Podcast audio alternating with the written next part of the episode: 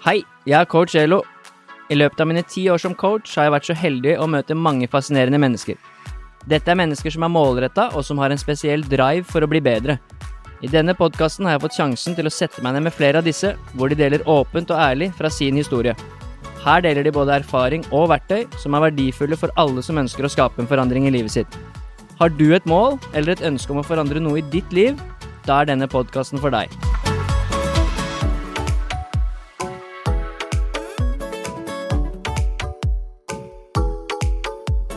Hei og velkommen til en ny episode av Coach Elom Gjester. I dag så har jeg med meg Lea Støren, som allerede sitter og ler. det blir en morsom episode. Lea er crossfit-utøver, og hun er Norges beste crossfit-utøver 18 år. Eh, Faktisk så er du verdens beste, du ble verdensmester i 2021. Eh, Hun har flytta til Oslo for å satse 100% på idretten, og det syns jeg er kult, med folk som er dedikerte. Hun er jo også med i vårt eh, Team Actic, så det, vi har blitt litt bedre kjent eh, i år, det siste halvåret. Det har vært morsomt. Så jeg tenkte det var en, på sin plass å få en episode med deg. Så nå har du kommet til Lier, Lea, og er klar for å spille inn podkast, så velkommen. Ja, tusen takk. Det er veldig hyggelig å få være her. Gleder meg til eh, dagens episode. Det blir gøy. Men du er litt spent òg? ja, jeg er litt spent, jeg må si det. Men du er glad i å prate, så når du kommer i gang Ja, da er jeg veldig glad i å prate. Når du har det fått putta penger på automaten der, så tror jeg han kommer til å gå. Det er en viss fare for det. Men uh, nå har du vært i Lier en halvtimes tid, og på torsdag var du i Drammen. Ja. Så nå har du vært mye liksom i distriktet her Ja, de nå har jeg vært dagene. rundt omkring. Fått litt eh, bedre koll på de ulike stedene her. Ja, da var, du, var, det, var det et eller annet med ATA, for du er jo også sponset av de. Da var det ATA sitt julebord. Ja. Det var utrolig hyggelig. Med en god middag med en fin gjeng. Det var veldig hyggelig. ser du sitter med ATA-trøye på deg i dag også. Ja, må rappe. Det er viktig. Det er viktig. Mm. Så i dag så skal vi jo prate om din historie, Ja, og det gleder jeg meg til.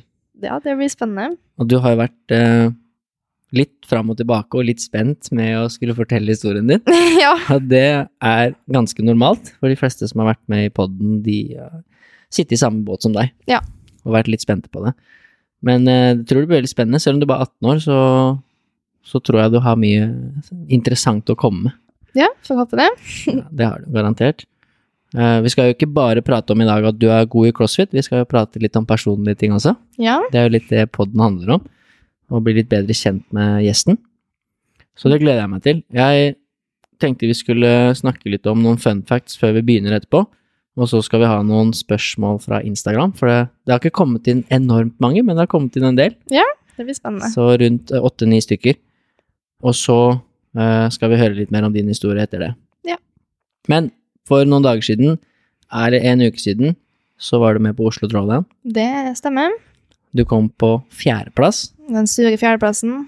Veldig nære tredje. Ja, Det var bare noen uh, overhead walking lunches unna. det stemmer. Hva skjedde? Um, akkurat på denne økta der så var det litt uh, mye greier. Um, men det handla mest om uh, kommunikasjonsfeil mellom dommer. Fikk beskjed av min egen dommer om at de var ferdig. Og så legger jeg ned dømmelser, tenker jeg at de er ferdig. Så kommer det en hoveddommer og en sidedommer og, eller en speaker og um, oppklarer at de var ikke ferdige likevel. Så da var det tilbake da og gjøre ferdig på nytt. Så litt sånn eh, Men altså, det, sånne ting kan skje. En menneskelig feil, og man lærer av det. Så viktig erfaring å få med seg. Ting, eh, ting man ikke har kontroll på, kan skje, og da må man eh, lære å takle det. Ja, det er selvfølgelig bra mindset å ha. Og du konkurrerte jo i selvfølgelig eliteklassen mm. og ble nummer fire. Ja. Det var ganske mange gode utøvere med. Så Ja. vi hadde jo en fra Team Actic som vant Ja. Det er veldig bra. og vi var godt representert. Men rett før første event Ja. så klarte du å skade deg Da klarte jeg å skade meg. på oppvarming, Det stemmer. og det prega deg vel litt i resten av helgen. Ja, det var en vond helg. Ja. Det var um, Rett før første event så um, hoppa jeg ned fra en rigg og landa på en eh, litt malplassert eh, landingsmatte. Og da fikk jeg en heftig overtråkk i ankelen. Så jeg røyk et leddbånd helt av og et halvt av, men det visste jeg ikke før etterpå, da. Så jeg gjennomførte helga med en heftig dose Paracet og Ibux e innabords og mye teip. Og ja, jeg prøvde egentlig å bare ikke tenke så mye på det, men det var en litt eh, uvanlig opplevelse. Det var imponerende at du klarte å bli nummer fire likevel. da. Han pusha deg gjennom. Mm, Det, det så jo ikke ut som at du hadde vondt i ankelen på første event. Jeg hadde ikke Nei. fått med meg at du skada deg før etterpå. Ja. Men det første eventet så var det jo blant annet boxjumps, Mm, det, og det gikk unna. Så det så- gikk unna. Det, var, det skjedde jo rett før vi skulle stille opp før første event, og da eh, Med en gang det skjedde, så var det litt sånn panikkfølelse. Ok, shit, hvor ille er det her? Så jeg ringer til ei venninne av meg, og hun kommer ned eh, og ok, spør meg ja, Lea, prøv å hoppe, da. Jeg tar sats og bare ok, jeg kan ikke hoppe. Så da fant jeg egentlig bare ut at eh, det blir ikke noe mer oppvarming. Det blir bare å stille opp og gå ut og gjøre det du kan på gulvet. Og så gikk jeg egentlig inn med et mindset om at mest sannsynlig så blir det her det eneste du får gjort denne helga. Så da må du bare kjøre på og gi alt du har. Så får man bare ta det etter det. Men eh, du fullførte jo hele helgen, Det og jeg. du vant det første eventet. Ja, så det, Det gikk greit med greit. en dårlig ankel. Ja. Men det var kult å se dere konkurrere. Jeg har jo ikke sett deg konkurrere live før, eh, så det var veldig gøy. Ja. Du har jo en vanvittig kapasitet, og så er du veldig god til å gå på hendene, du er god i tur. ja. Og så ser vi også at du har jobbet med styrke, for du har blitt sterkere, det er synlig. Takk. Det Mm. settes pris på. Så det blir spennende å se litt videre Ja. hvordan det blir. Nå er det vel en liten stund til neste konkurranse. Ja, det er vel ikke før i begynnelsen av januar. Nei. Da skal jeg på en partnerkonkurranse i Tyskland. Ja. Så det blir gøy. Så det rekker å restituere ankelen før den tid. Det, jeg satser på det. Ja, det er bra. Men eh, før vi skal inn noe fun fact, så tenkte jeg bare å, å nevne det at du har flytta til Oslo for å Ja. satse på crossfit. Mm. Det er kult. Og så har du tatt et litt spesielt Eller kanskje det er normalt nå, jeg vet ikke, det er vel lenge siden jeg gikk på videregående. Ja. Det er mange år siden. Men du har jo tatt videregående over fire år. Mm. Altså noe som heter et toppidrettstilbud, som Mm. de hadde i Molde. Ja. Kan du ikke bare fortelle kort uh, hva det er for noe? Ja, det er rett og slett et studieforberedende skoleløp eh, der de har lagt opp over fire år i stedet for tre, da, som det vanligvis er. Og da har man liksom realfagstilbud og alle de vanlige faga, da. Så det er ikke noe idrettsfag inkludert i det programmet der. Um, og da har du alle de samme timene som den vanlige studieforberedende løp har, men du har dem fordelt på fire år, da. Så da hadde vi mye fri. Vi hadde liksom to til tre fritimer midt på dagen hver dag. Så det gjorde jo at det var mulig for meg å ta én økt på morgenen, og så eh, en økt igjen da, klokka tre når vi var ferdig. Og da fikk jeg liksom inn alle timene jeg skulle, uten at det gikk utover skolen eller søvn eller restitusjon. da. Så det funka veldig bra for meg, og jeg hadde nok ikke klart å trene sånn som jeg har gjort, hvis ikke det hadde vært for at jeg gjorde det på den måten. da. Så det er veldig smart. Ja, det er kult. Det er jo fint at det finnes sånne tilbud. Det gjorde det ikke når jeg gikk på videregående, i hvert fall ikke på den måten. Nei, Så det er kult. Så det vil si at du er ikke ferdig med videregående ennå. Nei dessverre. Har Så et år igjen. Et år igjen, eller nå det et halvt år, da. Litt Ja. over et halvt år. Så det skal man uh, holde ut. Det nærmer seg. Det nærmer seg.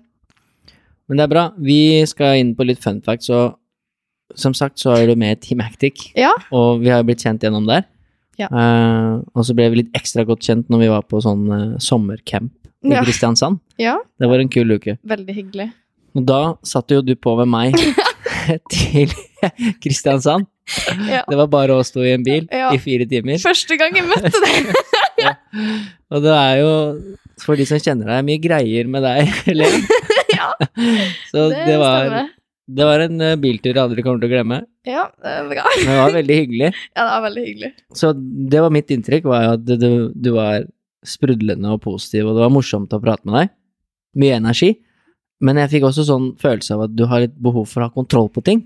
Ja. Det var noe av det første jeg tenkte i, liksom, på vei ned, da. Mm. For det var mye greier som mye greier. du måtte liksom ha kontroll på. Ja. Og så ble vi enda bedre kjent gjennom den uka der nede, da. Mm. Og det kom jo tilbake litt seinere i historien din, Ja. som på en måte er litt morsom, men så har du jo en historie som gjør at det er, det er mer enn bare en morsom ting, da. Ja. Det skal vi prate litt om etterpå. Mm. Så du er liksom det I Lier, da, så, så ville vi sagt at du er figur. En fi- en Eller- figur! Eller karakter. En karakter. På en positiv måte. Ja, men du likte det. En karakter. Ja. Jeg tar den. Så det er bra. Så jeg har noen, jeg har noen fun facts på deg. Vi, noe vi Ja. mobba deg for på lite grann nede i Kristiansand, Mm. det var jo at du absolutt måtte ha hvit søtpotet. Så det har, det har blitt en greie. Det har blitt Jeg- en greie. Visste jo ikke at det fantes. Nei, det Så- Du har jo faktisk fått meg til å smake på noe jeg ikke visste eksisterte. Ja. Eh, Så vi skulle jo spise den første kvelden der og lage mat sammen, eh, Mhm. alle som var der. Og du måtte ha hvit søtpotet. Ja. Så da måtte vi innom en sånn spesiell butikk hvor de hadde det, Ja. som du hadde søkt opp. Mm. Og hva, hva er greia med det egentlig? Smakte jo ikke noe annet. jo, det var masse bedre. Ja. Nei, det har jo Altså, det var faktisk Andrea Solberg som viste det til meg. Og det var, det var helt tilfeldig, for jeg var, som veldig mange andre, frelst av vanlig søtpotet. Syns det var supert. Og så ja, kom hun, kom hun da med denne her nye hvite søtpoteten som du kun fikk tak i på liksom spesielle eksotiske butikker. da. Og da tenkte jeg det, ja, jeg får prøve det. Og jeg ble rett og slett avhengig. Så etter det så var det hvit søtpotet jeg gikk i. Og det um, tok jeg med meg da på denne campen, og da var det vel var vel ingen der som hadde hørt om eller sett det, eller i hvert fall ikke smakt noe hvit søtpotet før. Og ved første dagen så dro vi vel rundt på tre eller fire ulike butikker for å finne det, så det var jo litt av et tiltak. Og alle bare Å ja, det smakte jo ingenting. bare, Det smakte smakte ikke. Det var ikke at det ikke var godt, men det var ikke noe sånn wow. Det var ikke noe Nei, jeg tror jeg hadde hypa det litt for mye opp, så alle Ja. trodde det kom til å smake helt sånn amazing, og så bare smakte det potet, da. Vi konkluderte vel egentlig med at det var fordi ditt for, en av dine forbilder, Andrea, spiste det. Ja, er sikkert litt med saken å gjøre, men altså, jeg anbefaler dere å teste det. Det er verdt å prøve. Ja, det var jo gøy. Jeg fikk jo smakt noe jeg aldri hadde smakt, og Ja. så fikk vi vært rundt på alle butikkene som var i Kristiansand Ja, sightseeing. for å finne det. Så det var bra. Det er bra. Eh, og så er det andre er jo at du har Dette også ble jo en greie. Det var mye greier med deg Mm. og med Daniel. Det var liksom dere to det var Vi mest var greier med. Ja. Men eh, du har jo sånn proteinbar-rating. Det stemmer. Og da tenkte jeg sånn, ja ja, Lea hun rater sikkert noen proteinbarer i ho hodet sitt og liksom sånn. Men det er jo en fysisk liste, Det er en fysisk liste. og der er det Du har sendt meg den lista. Der Ja. er det hinsides mange Det, er proteinbarer. Og tror Det- alle som fins det begynner å bli en del. Den har jo hopa seg opp, da. Jeg vet ikke engang hvor mange det er. Men du rater dem jo da fra én til ti. Mm. Det er vel Eh, nærmere 100, 100 pluss, kanskje. Ja, det er mange. Ja. Så det er jo gøy. Vi kan ikke gå gjennom hele den lista, da, for at det er, eh, det tror jeg ingen andre enn meg er interessert i. det er mye. ja. Men du har jo da Her har du en tier. Det er for eksempel uh, Barbells Choco Caramel. Mm. Den har ti. Den er solid, så den anbefales. Det er den som smaker litt sånn for meg Jeg smaker litt sånn Dumle. Mars, eller Ja. Dumle, Ja. ja. det er den, ja. Den gule. Den Ja. er den nyheteren. Den er solid, så Den har ti. den har tid. Vel fortjent. Og så har du for eksempel Nutramino Go Cruncho Chocolate. Den er minus sju. Ja, den eh, fortjener ikke en plass på lista, egentlig. Den eh, Beklager, men der har den bomma. Ja. Det er stang ut. Når det er minus sju, så er er ikke noe særlig. Nei. Det, Men, ja. men det er jo en del tiere her. det er en del tiere. Propud, Mm. Caramel Cookie, Propud Chocolate Biscuit. Den gamle Yt-versjonen av brownie. Ja, dessverre så har den eh, gått ut av produksjon, selv om jeg har sendt dem mail og sagt at de syns det var dårlig. Ja. Men bytta dem ut med Ja. en nyere versjon, og den eh, imponerte ikke. For du er jo er, Du er sponsa av Propud, Jeg er sponsa av Propid. Mm, men du har jo veldig mange tiere og niere på barbells. Ja. Jeg velger å være unbiased, så jeg um, rate ut ifra smak 100% Ja, og du har faktisk gitt litt tilbakemeldinger til Ja, jeg har sagt det fra til Propid! Så det, de har fått tilbakemelding hos meg, ja. Ja, det er fint, det. Det er vel, de har kommet seg veldig, da. Eller sånn, eh, de har kommet med en del barer der som har fått tiere dem òg, så så er viste du meg jo et bilde i stad fra når det ble lockdown, ja. eh, covid. Mm. Da var det jo vanlig at folk liksom Nå skal vi ha dopapir, og vi skal Ja. ha mat, og vi skal Mm. Du måtte ha proteinbarer, så Ja. du kjøpte inn et hinsides lager Det gjorde jeg. i redsel for at du skulle gå tom. Nei, Det var min største frykt, var at jeg ikke skulle få tak i proteinvarene mine. det Ja. det verste som kunne skje. Men du gikk ikke tom. Gikk ikke tom, heldigvis. Den siste på den lista da, som var gøy, det er at det er en der som Skal vi se Det tror jeg var Quest Bar. Ja. Den var helt til slutt der. Quest-barer. Det står ikke noe mer. Nei. Den har fått toer. Ja. I parentes så står det 'What the fuck is this?' Står det det? Hæ? Har jeg skrevet det på lista mi? på den nederste her. Oi sann! Nei, det Ja, da tror jeg det var ganske dårlig. Men har ikke fått minus. Nei, jeg har ikke fått minus. Det var sikkert før jeg bestemte meg for at uh, jeg kunne gi minus. Men eh, nei, det Quest-barer, dem eh, Ja. Dem er ikke bra. fortjener ingen kommentar fra min side. Nei. Stryk, strykes fra lista. Det er morsomt at du har det, og så har du også en sånn indisk rating. Ja, Og så er veldig glad i indisk mat, veldig glad i så indisk mat. du har vært rundt. Og der rater du på mye greier, på smak og på pris og på atmosfære. Og, Atmosfære på meg! ja. Det er mye porsjoner, service, det er masse som skal til da, for å få. Men der er det bare terningkast, da. Ja. Så litt, eh, litt sånn tightere og komme helt øverst der. Vi spiste jo indisk sammen i Kristiansand. Vi Så det. jeg tror ikke det var terningkast seks, men jeg tror det var ok. Ja, det var vel en solid femmer, da. Ja. Det imponerte. Mm. Mm. For det var mye prat om den greiene der. Ja, det, det gikk vel eh, mye i det, ja. ja, det er bra du ble fornøyd, da. Og Ja. så fikk du jo hilst på Sarita, så det var litt ekstra gøy. Ja, det var gøy. Så det siste, da, fra Vi skal ha noen spørsmål fra Instagram, for jeg la Ja. ut en sånn liten spørsmålsrunde. Men før det så er det en siste fun fact som du viste meg i stad. ja, min største flex. Ja, det er partytrikset til Lea. Det, Ja. Der oppsummerer jo egentlig det at du er en figur. Men eh, du kan si 30 dyrearter Mm, på seks sekunder. Ja. Og jeg tok tida i stad. ja, Så du, nå skal du få seks sekunder okay. Bare taletid i poden til å si disse 30 dyreartene, da. Mm. Skal jeg telle deg ned? Ja, du får telle ned fra tre. Ok, da er du spent. Nå må sitte nærme mikken. Ja, okay. så får alle høre godt etter. Ok. Tre, to, én, kjør. Rev, rype, hest, hare, ørn og oter, hund, homme, saus, hvaler, røy, rein, rotte, klegg, krabbe, laks, leike, mink, mygg, måke, mark, marsjen, bjørn, bille, ku, kreps, kråke. Det var gode seks og et halvt sekunder igjen. Takk. Åssen er det, hva er greia med dette? Hvordan er du er, Åssen partytriks er det her? Nei, altså, det handler egentlig om eh, mitt konkurranseinstinkt, fordi eh, det har ikke sånn at jeg var med på Gruble, eller hva det heter, en eller annen gang for lenge siden. Og da var det som du skulle kunne liksom et land, et navn, en, et matrett og et dyr, da, på eh, ulike bokstaver. Og jeg klarte rett og slett ikke å komme på dyr på disse ulike bokstavene. Jeg var så dårlig, det var helt krise. Så da var det sånn, ok, jeg må bare lære meg masse dyr. Så da, så da satt jeg der og pynka.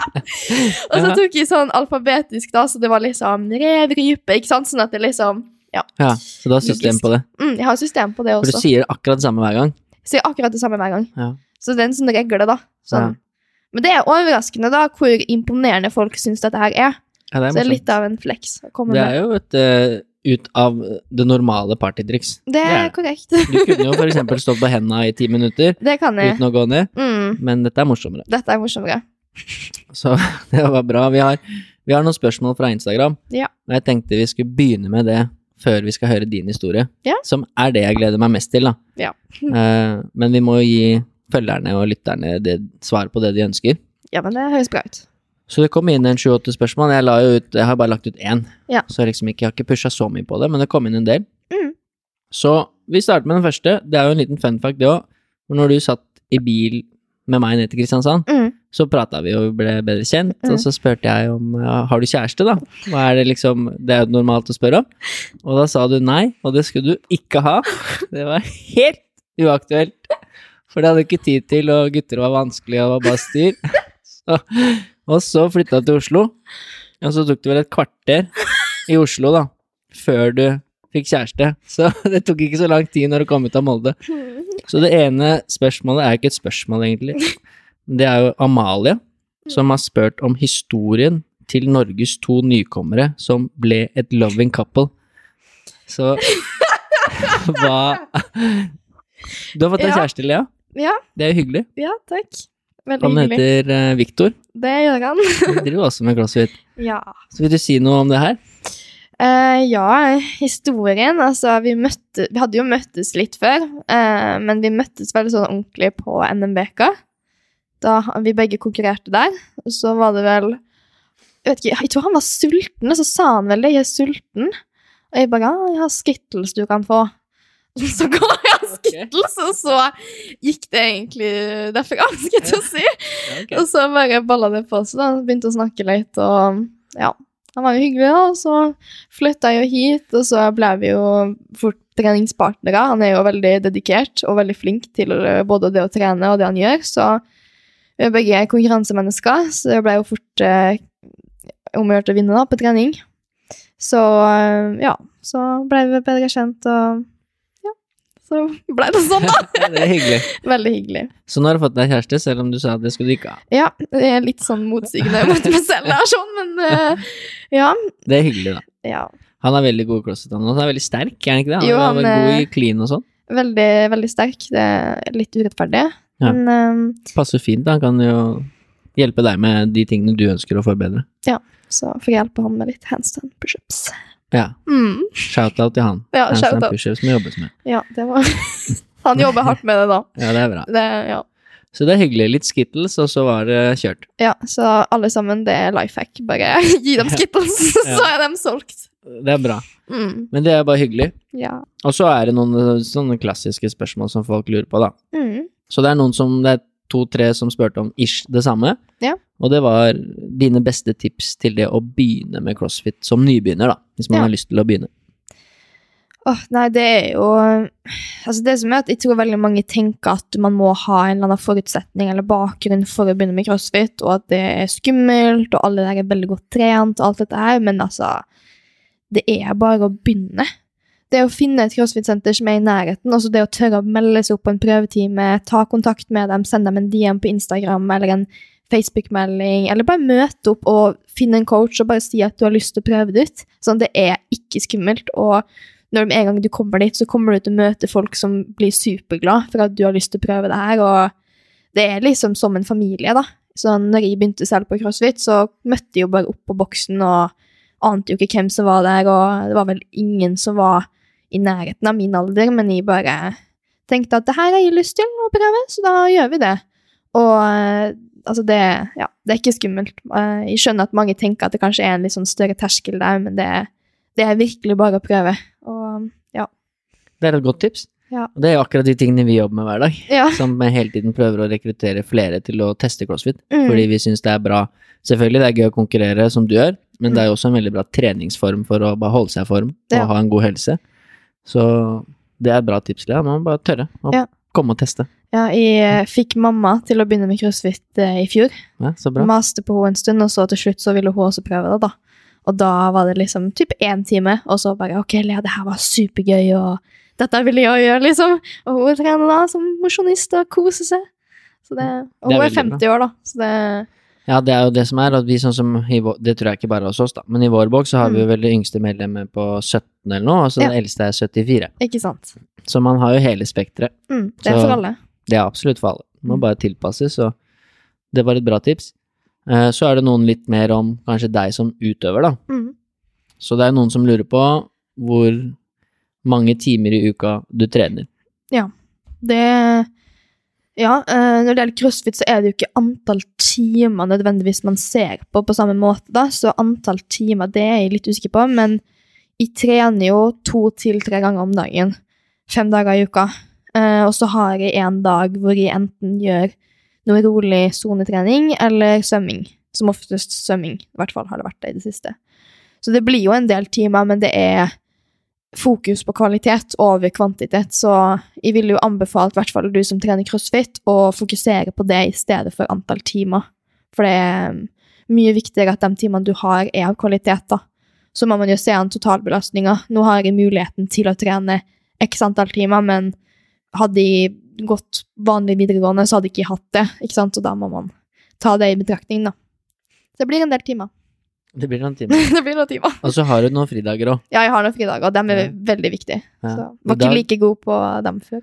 Nei, Nei. Eh, ja, i dag har jeg fri. i dag har du fridag. Veldig fri i dag. Det er bra, og det er viktig. Det er Men det er som sier, man må jo lære litt på veien, og, mm. og så bygger man jo opp som sier, en terskel som gjør at man Ja. etter hvert kan trene mer Mm. når man har holdt på en stund. da. Ja. Så, men ja, dere trener mye. Yes. Det er noen som lurer på hvordan du har klart å bli så god i crossfit eh, til tross for at du bare er 18 år. Ja, det, jeg har jo drevet med trening store deler av livet. Har jo drevet med turning, og det er jo derfra jeg har fått mye av min sånn atletiske bakgrunn, da. Mye av disse skillsa som veldig mange syns kan være utfordrende å lære når man begynner på crossfit, dem har jeg tatt med meg fra turninga. Um, og så er det jo kapasiteten, og der, det er jo mye genetikk som spiller inn. Noen er jo er genetisk anlagt for å bygge kapasitet kanskje litt lettere enn andre, da. Uh, og den kapasiteten, den har kommet uh, relativt raskt. Jeg har um, Med en gang jeg begynte med crossfit, så syns jeg, og det har jeg egentlig alltid syntes, at denne det å liksom ta seg helt ut, eller hva man skal si, dø da på bakken, ikke sant? jeg syns det var skikkelig gøy. Og det var liksom noe jeg gleda meg til. Så når jeg begynte med crossfit, så var det vel et par måneder der det var sone fem hver eneste dag. Altså, målet var liksom å ligge, ligge på bakken i smerte. Hvis jeg lå ikke i der, så hadde ikke jeg trent. ikke sant? Sånn at eh, jeg tror nok at jeg bygde et ganske stort kapasitetsgrunnlag der. Men om det var veldig lurt, eh, det er et annet spørsmål. Men eh, det å pushe og ha den mentale innstillinga på det, og være liksom ha lyst da, til å klare å pushe når du skal pushe, og sånn at hver økt At du oppnår det du skal da, med hver økt, det er veldig viktig. Og nå har du jo litt mer kontroll på intensiteten, for nå Ja. har du jo dyktige trenere som setter opp eh, Det- programmer for deg. har jeg. Og det, nå har jeg jo også et veldig stort, eller annerledes fokus enn det jeg hadde da jeg begynte med crossfit. For nå trener jeg jo for prestasjon, og ikke for eh, ja, for det jeg har lyst til, liksom. Det, jeg har jo selvfølgelig lyst, men nå er det mer Jeg gjør det som jeg veit kommer til å bli, gjøre meg til en bedre utøver, da. Ikke nødvendigvis det jeg syns er morsomst. For da hadde det blitt veldig mye handstand walk og veldig mye burpees og lite av andre ting. Ja, det er jo litt typisk at man trener på de tingene man er god på, Mm. og som man syns er gøy å drive med. Det er Ja. ikke så gøy å drive med det du ikke er god på. Nei. Det er jo menneskelig. Men det blir gøy etter hvert. Det har jeg erfart. Ja. Det, man må bare komme over den terskelen, og så finner man plutselig glede i det å se at man uh, utvikler seg. Ja. Og det er gøy.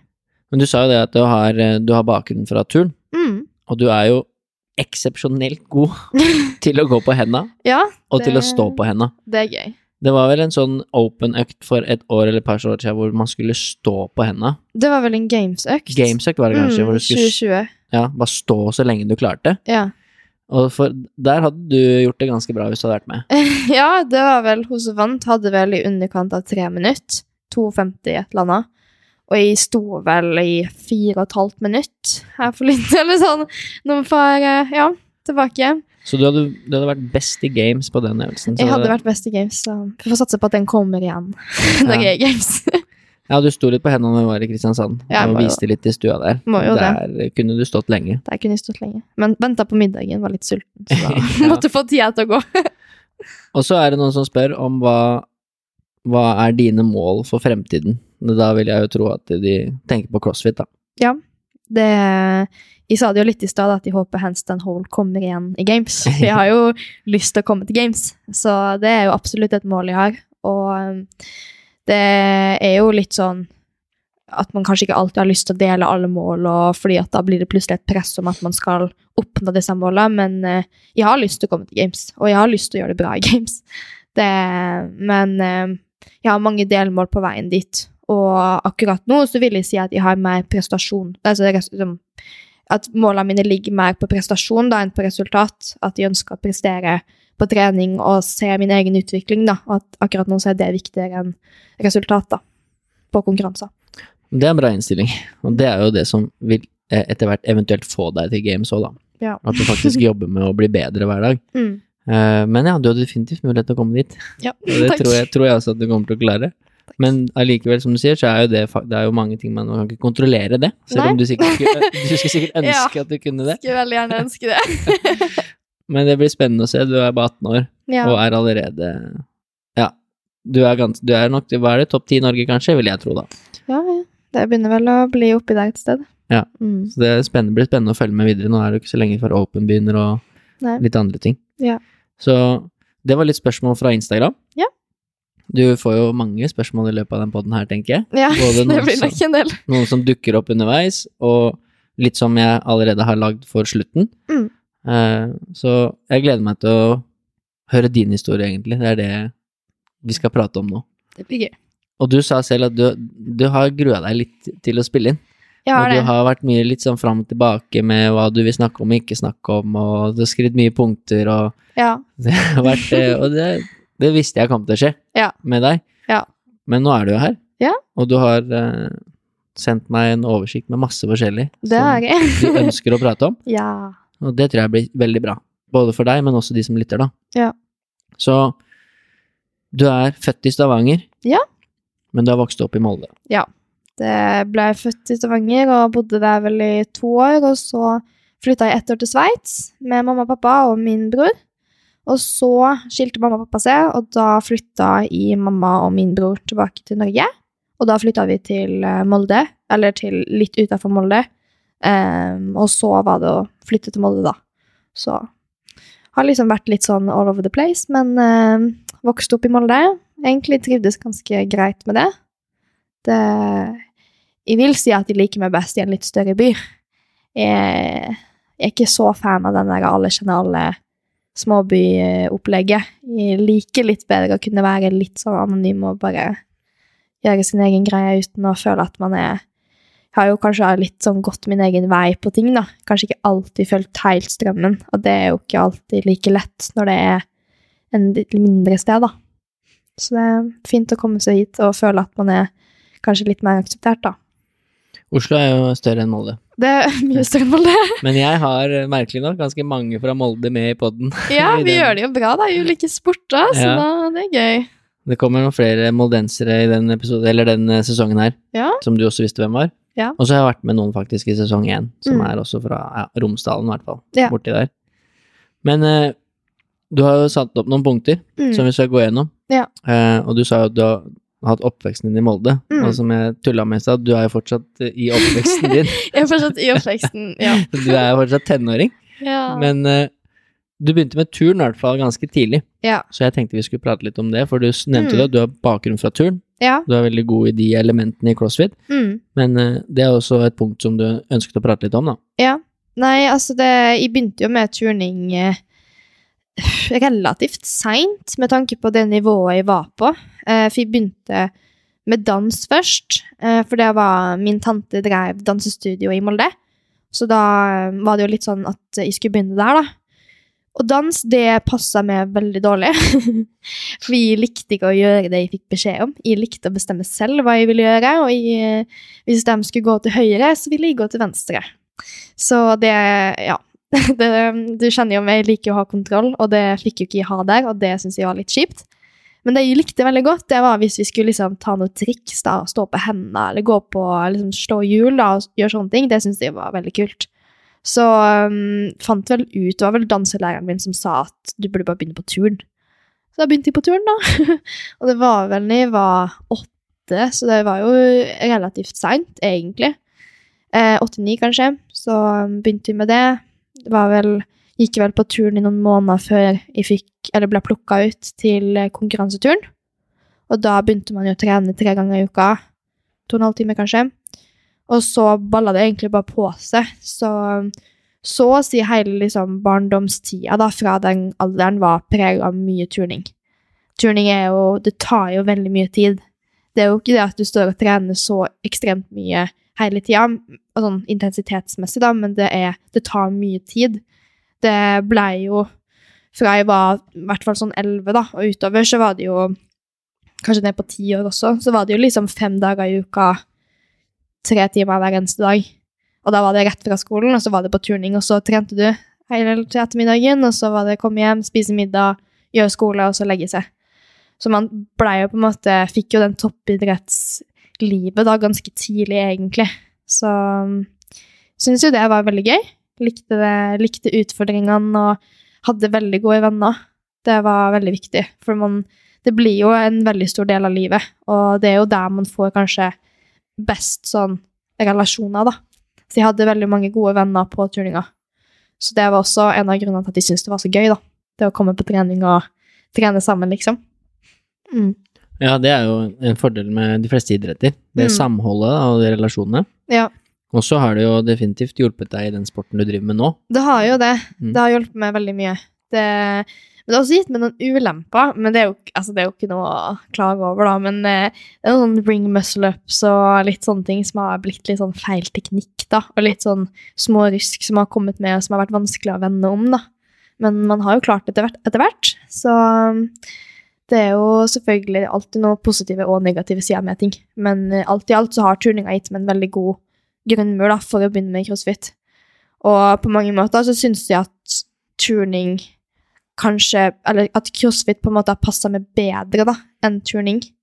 Fordi jeg syns um, turning var veldig Det handler veldig mye om hvordan du gjør ting. Sånn da, hvordan du ser ut når du gjør disse tinga. Både hvordan man selv ser ut, men også liksom hvordan Om du har strake bein, om du har vakre fingre Altså sånn estetisk, da. Mm. Eh, og jeg var mer glad i å bare gjøre ting. Jeg hadde bøyde bein som bare det, men så gjorde jeg også flikk-flakk, flikk-flakk, salto på bommen, liksom. Det var Men jeg gjorde det med bøyde bein, så jeg hadde jo fått masse trekk, men jeg gjorde det. Så det var liksom mitt fokus var heller på at jeg faktisk klarte disse tinga, ikke på hvordan jeg så ut når jeg klarte det. Så det var liksom Jeg følte at turninga var litt sånn litt sånn dum, da, på den måten. Og der er det jo ikke i crossfit. Eh, du nevnte jo at du syntes det var litt eh, Jeg husker ikke hvilket ord du bruker, om det var eh, sirkus eller jalla eller i forhold til fengsel og fitness, hvor man noen ganger får disse Ja. eh, Blir dømt på Teknikkpoenget, det var både jalla og sirkus. Det Ja. Rett tilbake til turninga. du er mest glad i bare å gjøre det. Ja, jeg er mest glad i bare å gjøre det. Ja. det. Og i crossfit er det jo ikke noe teknikkpoeng. Nei, heldigvis ikke. Eh, og så ser jo det meste du gjør i crossfit bra ut, Ja, takk. sånn crossfit-perspektiv. Ja, jeg, har jo, jeg er jo kjent for å ta noe uh, maksløft som bare er helt krise, da. Det, det var et par som fikk med seg min eh, skråbenk thrusters på NM. Da var det bananrygg og ja. Men det går opp. Ja, når du makser, så blir blir det jo sånn, da. Ja, det blir det. Kan det bli. Mm. Men du har jo, som du sier, fått en bra grunnmur likevel. Mm. Eh, både det, ikke bare det at du er god til å stå på hendene og Mm. gjøre turnelementer og atletisk, men også at du har trent mye, da. Ja. Du har mye volum av trening, så du tåler Mm. jo en del trening. Det er sant. Og du blir veldig mentalt sterk av turning. Det, Mm. Jeg tror nok det, det som er med turning, er at du blir veldig tidlig du blir, altså veldig, Fra veldig tidlig alder da, så blir du veldig vant til det å få ganske sånn konstruktiv tilbakemelding. Og det å stå i det og liksom ikke, ikke gi opp hvis ikke du får det til, eller ikke bli sur hvis ikke du får det til. Dette med å liksom øve lenge på å bli bedre og ha utholdenhet der, da. Eh, også dette med konkurransene. Eh, turnkonkurranser er jo jeg syns det var mentalt slitsomt. Og så. Det var liksom, Du har trent opp eh, et år da, og liksom gjort den samme rutina i tre måneder for å så prestere én dag, og så faller du ned, og så er hele greia ødelagt. Og så har du liksom ikke en ny sjanse dagen etter. Eller sånn som i crossfit, da, så kan du liksom Har du en dårlig økt, så kan du hente det inn igjen på neste. Mens her er det liksom Faller du det ned da, den gangen, så er du kanskje ute, da. Og det, det var veldig slitsomt og veldig mye stress. Og jeg husker jeg var livredd før hver konkurranse, da. For å knøle det til. Ja, det er det som gjør at jeg tror mange liker crossfit òg, at det Mm. er ikke så spesifikt. Nei, det er akkurat det. Du kan ha svakheter, eller du trenger ikke å Mm. være best på alt, da. Nei. Du kan være bare jevnt god på Mm. mange ting, som gjør at det passer for de fleste. Ja. Eh, men du nevnte et ord der, øve, og Øve. det er viktig i crossfit. Det er veldig Og viktig. det er viktig for eh, folk som gjør det også bare for å trene. Vi sier jo det veldig til våre medlemmer, da, Mm. som har lyst til å lære seg å stå på henda, eller gjøre en pullups eller muscle-up, eller gå på henda. Ja. At du kan ikke bare komme og trene hele tiden, Nei. men du må øve Ja. på disse tingene. Mm. Uh, og det er jo litt kjedelig for mange, men uh, det er som du sier, det må liksom til da, for Mm. å få det til. Hvis det hjelper, så er det ikke Det er ikke så mange måneder siden jeg sto der og øvde på ring muscle up. Nei. Jeg bare kom ikke Jeg klarte ikke å skjønne den teknikken, og da sto man der og øvde, da. Da var det single reps, og det var mye frustrasjon og mange som prøvde å hjelpe, og så til slutt en dag så bare skjønte man det, og da kunne man begynne å trene på det. Mm. Men den øvinga, den, det er viktig å ikke hoppe over den, altså. Det, Ja, det er viktig. mm, Både for dere og for, hva skal vi si, de vanlige, mm, som ikke nødvendigvis skal uh, bli gode i crossfit, men de ønsker jo å prestere så bra de kan. Ja. Og så sa du at du passer deg bedre med crossfit enn turn. Ja. Og det var jo også en greie i uh, Kristiansand, ja. at vi fant noen videoer av deg. Jeg tror det var Chris som fant noe, du har vært med noen intervjuer. Å, gud. Og da sier- Nei! Da sier, Nei! da sier du jo at du er eh, made for doing crossfit, altså det blei også en greie. Det var grusomt flaut. Det var, jeg kan unnskylde meg med at jeg hadde ikke snakka engelsk på ett og et halvt år, så da det intervjuet der kom, og jeg plutselig Ja, skulle snakke engelsk igjen, da I'm made for doing crossfit. Det hørtes veldig bra ut i hodet mitt. Jeg skulle finne ut fra det klippet, Nei, men jeg det har ikke her. Det Det kan vi droppe. Hvis man går inn på Team Actix sin Instagram, så ligger det en video der som Chris redigerte, tror jeg. Ja. Hvor vi tuller litt med det. Mm, jeg fikk høre det et par ganger. Ja, det var-. Det var gøy. Veldig gøy. Og så er det jo litt sånn at etter hvert så begynte du på ungdomsskolen, Ja. og etter hvert så ga du deg også med turn. Ja. Så det er jo liksom steget videre i din historie. Ja. Ungdomsskole er det stikkordet jeg har. Det er det stikkordet. Det var Meg fikk du ikke. Nei. Nei, fordi at eh, som jeg nevnte, så blir jo turninga, og det ble jo det for meg òg, et veldig stort del av eh, livet, da. Det ble jo liksom det du drev med på fritida, og det var liksom det som var min greie. Eh, og så begynte man på ungdomsskolen, og da ble det jo plutselig litt andre ting som også ble viktig. Man begynte jo med karakterer, og det ble jo plutselig veldig viktig. og litt sånn vennegjeng, og det var mye styr der, da, for det var jo ikke alltid så lett når du, i hvert fall for min del, hadde jeg mesteparten av mitt miljø på turninga, så det var dem vi hang med på fritida, og så var det liksom på skolen hadde jeg dem vi var med på skolen. Så sånn sett så var jeg jo, hadde jeg alltid masse venner, og jeg hadde alltid folk rundt meg som jeg trivdes med, og jeg hadde, gode, hadde liksom et par veldig gode venner. Men det var, det var mye, da. Eh, og så var det vel en periode der Det begynte vel rundt niende klasse, kanskje. Da, i hvert fall for min del, at uh, man begynte å kjenne litt ekstra på dette med karakterer. Og jeg har alltid vært veldig perfeksjonist, så det vet jo dem som kjenner meg, at de ønsker å gjøre det bra på ting, og jeg er veldig eh, Jeg er en sånn bekymra person, da, så jeg kan fort bekymre meg for hvis jeg ikke føler at de klarer å prestere bra nok på ting, og det var litt sånn En periode så følte jeg vel at um, jeg ikke klarte å prestere bra nok på alle ting samtidig. At det ble liksom eh, Jeg klarte enten så klarte ikke jeg å være en god nok eh, person hjemme, at jeg ikke ble en god nok datter, samtidig som at jeg ikke klarte å gjøre det bra nok på turninga. Og så klarte jeg kanskje ikke å få alle de sekserne jeg ville ha. Plutselig så fikk jeg en femmer, og da var verden under. Og så det ble liksom veldig mye, og jeg jobba også på et tidspunkt eh, som trener på turninga, som jeg for så vidt trivdes veldig godt med, men det ble også da enda en et stressmoment.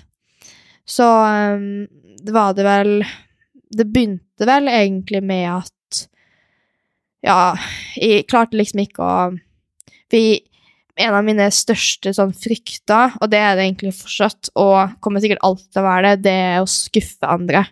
Den følelsen når jeg føler at jeg har gjort noe som ikke noen andre syns er bra nok, eller gjør at de blir lei seg, eller bare ja, generelt skuffa, da. Så i den perioden her så var det veldig viktig for meg at jeg ikke skulle skuffe noen. Så det var liksom, jeg kunne ikke skuffe dem på turninga, og jeg kunne ikke skuffe dem hjemme, og jeg kunne ikke skuffe skolen. Så det var liksom sånn, jeg måtte prestere på alt, for jeg kunne ikke la noen liksom let anyone down, ikke sant. Eh, og så fikk jeg gjerne høre at, av alle der rundt meg at oh, Lea er så flink, hun stiller alltid opp, og ja, men Lea fikser det, og Lea er så god, og hun får alltid seksere, og sånn, og da, når du får høre det i tillegg, så blir det i hvert fall, da blir det jo noe du må innfri, ikke sant. Um, så det var en periode der det var veldig, veldig tøft. Um, og jeg visste ikke hvordan jeg skulle håndtere det. Fordi jeg visste at hvis jeg sa noe til noen, så kom jo på et eller annet tidspunkt noen til å bli skuffa. Om det var liksom at de sa ifra til turninga om at ok, jeg kan, beklager, vi kan ikke ta på med disse ekstra vaktene, fordi det har ikke gitt muligheten til, så var jeg livredd for at de kom til å bli skuffa. Eh, og hvis jeg gjorde det samme med skolen, så ville vel de bli skuffa. Altså sånn så um, var det vel en periode jeg stressa veldig, veldig mye, og det, et resultat av det var at jeg ikke tok nok vare på meg selv. Så jeg gikk litt ned i vekt, og det var jo ikke mye eller noe sånt, men det var liksom, det var merkbart da, du er en ungdomsalderjente, du merker det hvis man plutselig begynner å gå ned i vekt da. Jeg trente jo fortsatt hver eneste dag, og da er det jo veldig viktig det, å få i seg nok mat. Og da husker jeg veldig godt at jeg fikk en kommentar fra turntreneren min, tror jeg det var. Og hun sa, jeg husker ikke hva hun sa, men det var et eller annet sånt Går det bra, Lea? Du, du så så tynn ut, eller et eller annet. Og da var det liksom sånn Det at jeg så tynn ut, det, det ga meg ingenting. Men det at hun spurte om det gikk bra, det ble plutselig sånn Ok. Hun spurte om det gikk bra. Hun så liksom at noe ikke stemte her. Og jeg har ikke sagt noe selv. Som for meg ble en slags sånn Ok, så det her ja, Jeg vet ikke helt hvordan det her ga mening for meg da, men for meg så ble det plutselig en slags løsning på problemet, da, fordi hvis jeg ble tynnere, så kanskje noen skjønte at jeg ikke hadde det bra, men så slapp jeg å si det, så da var det ingen som ble skuffa. På samme måte så var det ingen som Det var ingen som på en måte Det gikk ikke utover noen andre at hvis jeg ble tynnere, det var liksom Det gikk jo bare utover meg selv. Og det var sånn Å ja, supert, det her funker bra. Da slipper ingen å bli såra, ingen blir skuffa, og jeg gjør ikke noe slemt mot noen andre. Altså, det, det var greit. Og da Så da blei det vel litt sånn, da. Um, jeg visste jo ikke hva jeg holdt på med, jeg var jo ung og dum, så jeg visste ikke hva som skjedde, og det blei jo ikke sånn som det skulle bli. Uh, for det var jo absolutt ikke den Altså, det jeg hadde sett for meg skulle skje, det skjedde jo ikke. Det var jo veldig få som Altså, det som folk brydde seg om, det var jo at de blei tynnere. Det var jo ingen som brydde seg om hvordan de hadde det, føltes det ut som for min del, da. Uh, så fokuset blei på Lea, hvorfor har du blitt så tynn? Lea, du må spise. Hvorfor spiser du ikke? Har du et problem med mat? Hva skjer? Altså, det var liksom Med en gang, da, så var det der fokuset begynte å ligge. Um, og jeg ønska jo bare at noen skulle liksom spørre meg om hvordan det liksom, går det bra, Lea. Har du liksom Hvordan det gikk med meg, ikke hvordan jeg så liksom sånn. Så fokuset ble helt feil, da. Um, og i, igjen fikk jo litt sånn Shit, nå er jeg den syke personen. Oi, da må jeg innfri den rollen. Hvordan er det man er en syk person? Og så ja, ble det vel egentlig bare verre da, med at um, folk begynte å anta ting. For jeg hadde egentlig ikke et problem med mat.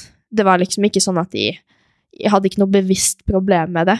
Eh, problemet mitt med mat oppsto vel egentlig av at alle rundt meg på en måte, Jeg vil ikke si at de pressa det på meg, men det blei det.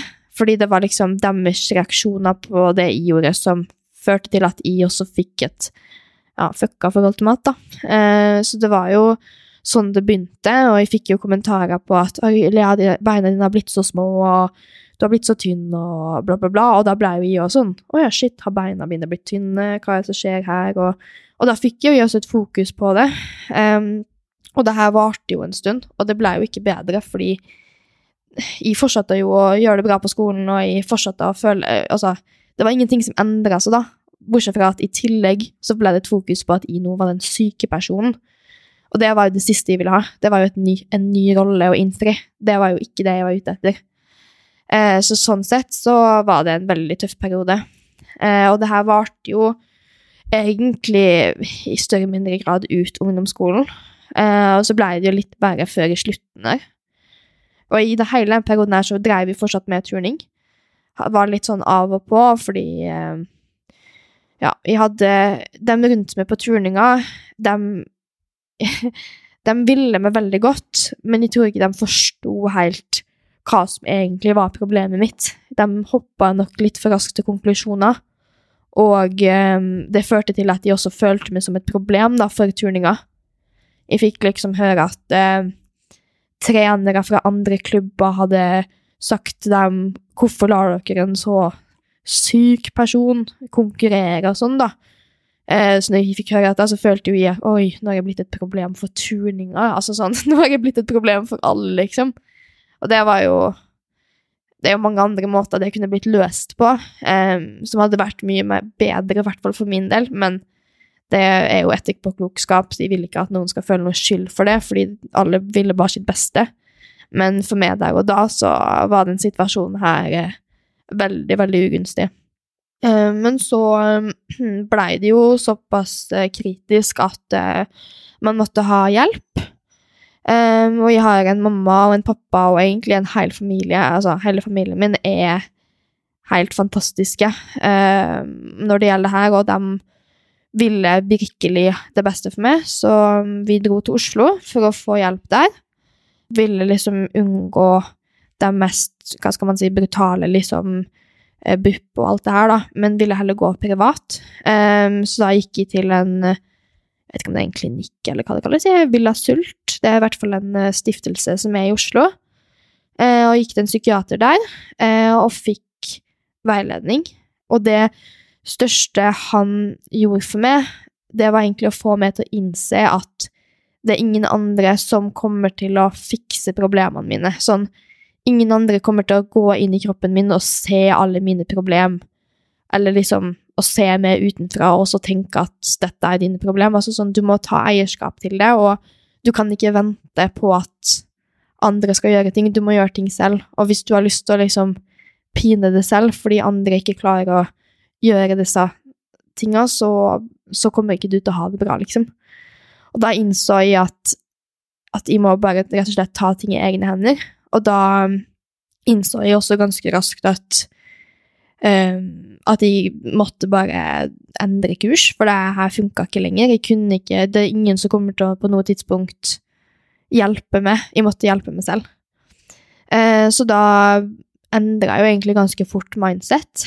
Um, det var jo selvfølgelig en turbulent reise. altså sånn, Alle som har hatt disse utfordringene selv, vet jo at det å skulle legge på seg igjen, spesielt når du har fått den rollen som den syke, for da er man jo Altså, nå ikke man, Det er ikke nødvendig at undervekt er en del av dette her, men for min del så var jeg veldig undervektig, og det blir jo også et slags stempel for hvordan man er som person, og man får jo også en del Altså, man blir jo satt i en bås, da, på en måte, og det å plutselig skulle gå ut av den båsen, og så Jeg var jo veldig redd for at, at hvis jeg gikk opp i vekt igjen, så kom kanskje folk til å fortsette sånn som før, og at jeg kom til å føle meg sånn som før.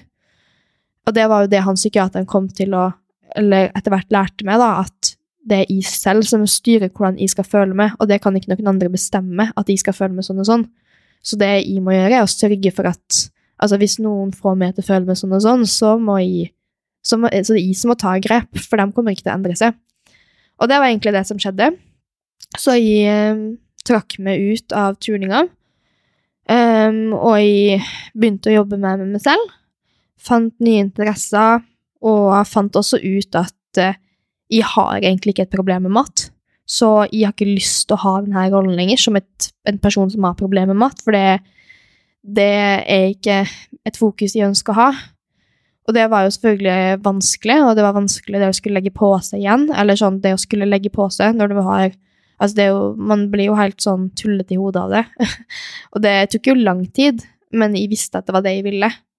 Og jeg visste også at, at det var jo på en måte ikke så mange andre utveier. Sånn, det å gå ned i vekt, det funka ikke. Det ga meg ingenting, og problemene mine ble ikke borte.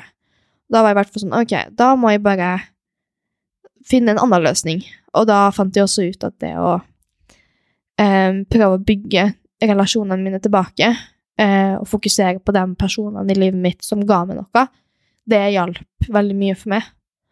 Um, og jeg hadde veldig mange gode venner som i den perioden her feida litt vekk. Og det forstår jeg, fordi det er en vanskelig ting å stå i. Man veit ikke hva man skal gjøre, man vet ikke hva man skal si, og det jeg syns selv det hadde vært veldig vanskelig om det hadde vært meg som fikk en venn da, som hadde disse utfordringene. Men jeg er veldig veldig takknemlig for at det var dem som sto i det, som faktisk sto i det. Fordi de vennene kommer jeg nok alltid til å ha i livet mitt. Fordi hvis de har vært gjennom det der, så kommer de til å stå i det meste. Så um, det, var, det betydde veldig mye, og ikke minst familien min, mamma. Ja, mamma har vært med gjennom mye rart, men hun har stått i det, og eh, det er jeg veldig, veldig takknemlig for.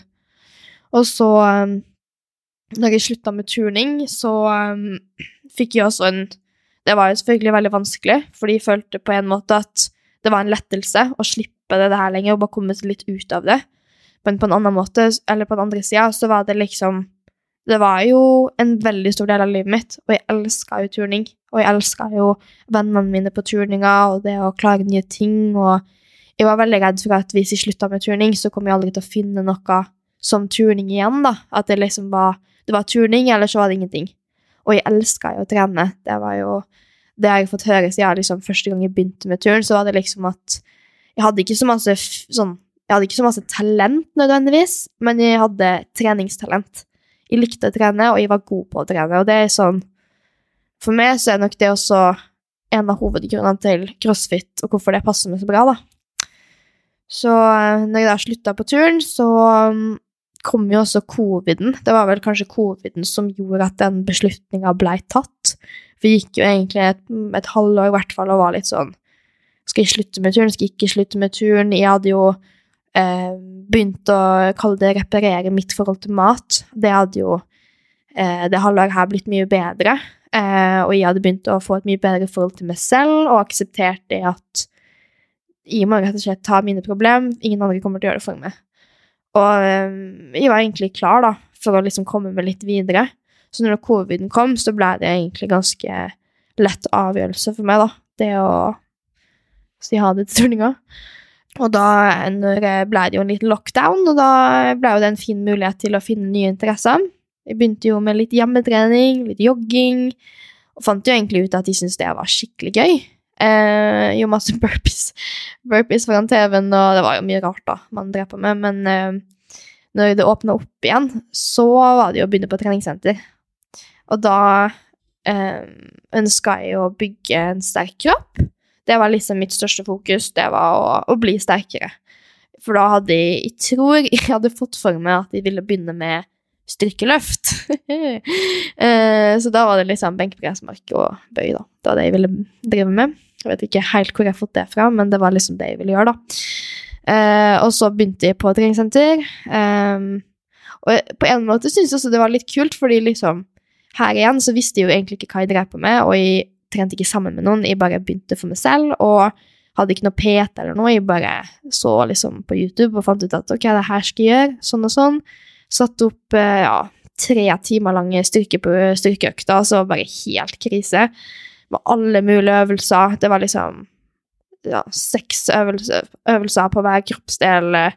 Og så I tillegg så ville jeg gjerne bevare mine turnskills, da, så jeg kjørte jo strikte toast to bar, handstand walk og handstand piruetter og alt mulig rart. Altså, stakkars dem som trente der, de må ha lurt på hva som feila meg. Så, og det er sånn tren, Jeg vil si sånn i ettertid så syns jeg det er litt gøy, da, for jeg tenker liksom ofte at ok, jeg trente crossfit uten å vite at det fantes crossfit, på en måte. For det, alt det jeg gjorde, var jo liksom Det kan kategoriseres som crossfit når du blir skikkelig svett og sliten av å kjøre dumble flies fordi du kombinerer det med handstand walk og ski erg. Så er det liksom Da er det crossfit. Så det var um, veldig morsomt. Og så fant de olympiske løft. Av en eller annen grunn så begynte jeg med det da, på det treningssenteret her. Kjørte i mine flotte hookah-sko og sykkelhansker. Så, ja, det er krise. Så kjørte jeg da snatch og clean, da. Jeg kjørte ikke så mye jerk, for det skjønte ikke helt. Så jeg kjørte snatch og clean på dette treningssenteret her, eh, og ikke lov å droppe vektene, men det, den regelen fikk jeg fort endra, da, etter litt overtalelse.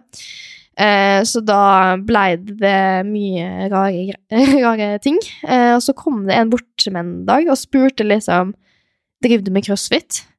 Jeg bare Nei. Jeg ble nesten offenda, liksom. Jeg bare, Hvorfor skulle han det så dårlig, liksom? Så da gikk jeg hjem, da, for jeg ble liksom måtte jo finne ut hvorfor han trodde at de drev med det. Så da gikk jeg hjem, og så googla liksom crossfit, da, for å se hva, hva egentlig det her var for noe. Eh, og da kom det opp Murph fra 2015, da det var Alle fikk heteslag, og folk fikk medic help og ble båret ut på båre og alt mulig, og jeg så dette her på YouTube, og da var det sånn Det, det der skal jeg gjøre. Det var ikke mer som skulle til, så jeg var jo jeg var helt solgt. Jeg så det der og bare Det der skal jeg gjøre. Og for dem som ikke vet det, så er jo det typ, ja, noe av det verste i CrossFit Games sin historie. Så er jo det sånn ypperste nivået du kan komme på, da. Så da, jeg viste jo det her, da, full stolthet til mamma, og var sånn 'Mamma, se på det her, da, det er dritkult, det her skal jeg gjøre', liksom. Og mamma ble jo 'Nei, det her skal du aldri gjøre, hva gjør de, det ser farlig ut'. Så etter det så Det var jo egentlig dumt av meg, da, for det tok et par måneder det å overbevise mamma igjen om at crossfit det var ikke farlig, egentlig.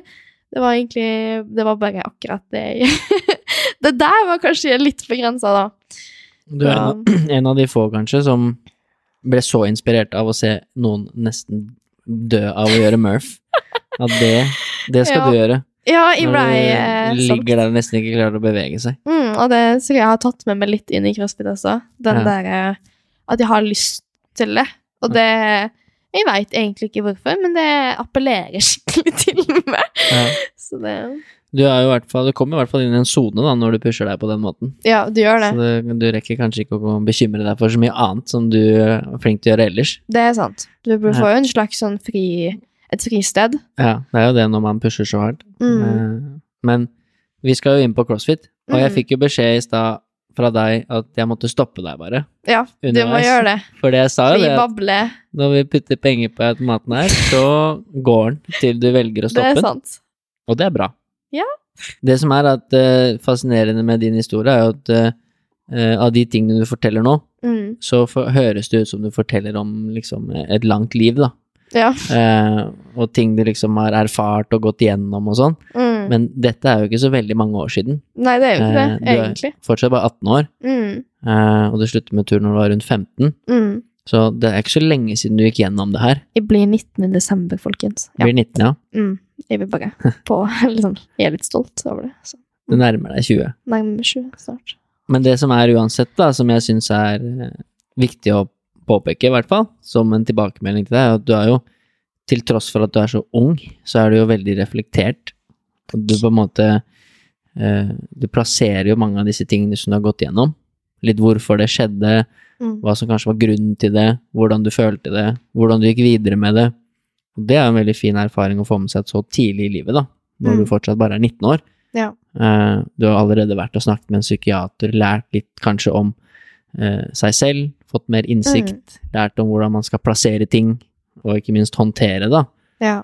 Uh, det er jo også en kjempefin egenskap, både som menneske og person, men også som idrettsutøver. Mm. Lære å takle litt sånn forventninger fra alle andre, Ja. og hva alle andre mener.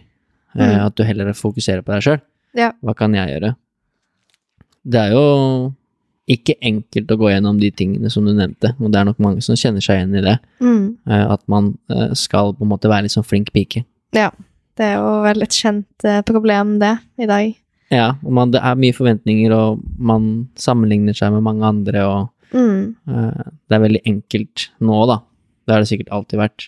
Men du var jo, det var jo også det jeg nevnte at jeg fikk inntrykk av Ja. første gang vi satt sammen i bil i Kristiansand og prata sånn du gjorde nå hele veien.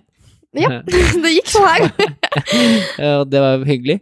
Og vi hadde en lunsj vi stoppa der òg, så det blei jo fort fire-fem timer med prat. ja. Og det var hyggelig. Mm. Men det var jo det jeg fikk litt inntrykk av. Ja. Og det er som du sier, at eh, man kan le av det nå, og nå Mm. har du på en måte mer kontroll på det, og det Ja. er nesten blitt liksom en sånn eh, selvironisk og morsom greie. Det har det. Eh, men det har jo vært vanskelig før. Det har det, Når man- absolutt. Når man gikk rundt og følte på at man eh, måtte være god i alt og ikke skuffe noen, og Mm. det blir jo slitsomt. Ja, man må ha lært seg og har for så vidt fortsatt forbedringspotensialet, men har blitt bedre på det å gi litt faen. Ja. Det, Og det er kjempebra. Du har gjort det Mm. allerede når du er 18 år. ja. Eh, så selvfølgelig så kan man alltid bli bedre. Det, ja. Det vil alltid kunne skje ting i livet som gjør at man kanskje faller litt tilbake i gammelt mønster og sånn, Mm. men nå er du jo i hvert fall ganske klar over det, så du kan Ja. liksom kanskje si til deg sjøl at dette er ikke noe vits å er bekymre seg over. det, har jeg sagt også til Fordi det er jo flere som har spurt er du ikke liksom redd for at det samme mekanismene skal sette inn igjen, eller liksom gå på nytt. da. Og da er det litt sånn Men jeg har erfart det, jeg har vært gjennom det, og jeg har testa det, og jeg har funnet ut at det funker ikke. Det er ikke en løsning på problemene. Og det er sånn Det er jo alltid en, altså det er jo alltid noe Man skal jo aldri si aldri, men det å på en måte ha den Jeg er veldig glad for at jeg har gått gjennom det. For jeg føler meg mye mer selvsikker nå i hvis jeg, syns at, eller hvis jeg står i en vanskelig situasjon da, og blir usikker på hva jeg skal gjøre, så er jeg i hvert fall eh, Så veit jeg, ok, men det, dette der er i hvert fall ikke en løsning, uansett. Og det prøver jeg også å, på en måte formidle, da. At det, det er ikke en vei du kan gå hvis du, altså, hvis du ønsker en bærekraftig løsning, da, både for deg selv, men også sånn for folk rundt, da. Så er ikke det det, det er ikke det beste du kan gjøre. Nei, det er jo som jeg sa, vi snakket litt i stad om det å være forbilder, og du har hatt Mm. mange du har sett opp til, Ja. eh, liksom innenfor crossfit. Mm. Som du nevnte litt i stad med Andrea, og så er det litt eh, Kristin og Ja. Ingrid. Og Ingrid var jo med i podkasten min tidligere, Mm. og hun snakket jo også om problematikk rundt dette her, Mm. med mat og hvordan man ser ut, og hva alle andre mener, osv. Uh, Mm. og jeg har også to andre episoder som handler om det med å ha et anstrengt forhold til mat. Mm. Eh, og så er det jo bra at dere jenter er litt flinkere enn oss til å prate om det. Ja. Eh, og det, så tror jeg det er mange gutter som sliter med det samme. Ja. Så at du deler er jo en fin ting. Og jeg Ja. sa til deg at når du kommer til games, eh, kommer til games. og blir et enda større forbilde for mange, så er det bare viktig å huske på at uh, du er flink, da. Og at det er mange som ser opp til deg. Uh, at det er Mhm. bra at du velger å dele og være ærlig, tror jeg er sunt. Ja. Det tror jeg også. Så du det var jo din historie fra du var 15 til 18 ish. Mm. Egentlig helt til du slutta med turn, og begynte på treningssenter med sykkelhansker og Aff. fokkasko Ja, helt krise. og trente. Og så var du litt inne på det nå, at du, CrossFit ble nevnt, og Murph ble nevnt. Murph ble nevnt. Ja. Og dette skulle du begynne med. Dette skulle jeg begynne med. Så hva var veien videre der, da? Hvordan liksom begynte du med CrossFit etter det? Ja, det var jo Det var en liten prosess, og det å få overtalt eh, mamma til å begynne med crossfit. Men eh, det endte vel opp med at hun ble med på en prøvetime. Og da når hun fikk liksom være med på det og se at ok, det var faktisk ikke bare store, skumle menn i, med baris og skjegg som løfta dekk, når hun faktisk fikk se at det var helt vanlig trening, og så og da fikk jeg lov å begynne. Og da var det liksom én økt, og da var jeg skikkelig solgt. Det, og så hadde jeg det møtte jeg fordi etter at jeg slutta å turne, så fortsatte jeg å jobbe litt på turninga som trener, eh, før jeg etter hvert slutta med det også. Men, eh, og der møtte jeg eh, en veldig god venninne av meg som heter Siada, og det er også hun jeg bor med i dag. Og hun ble en veldig viktig spiller, da, sånn støttespiller, både for meg da, men også for meg i dag.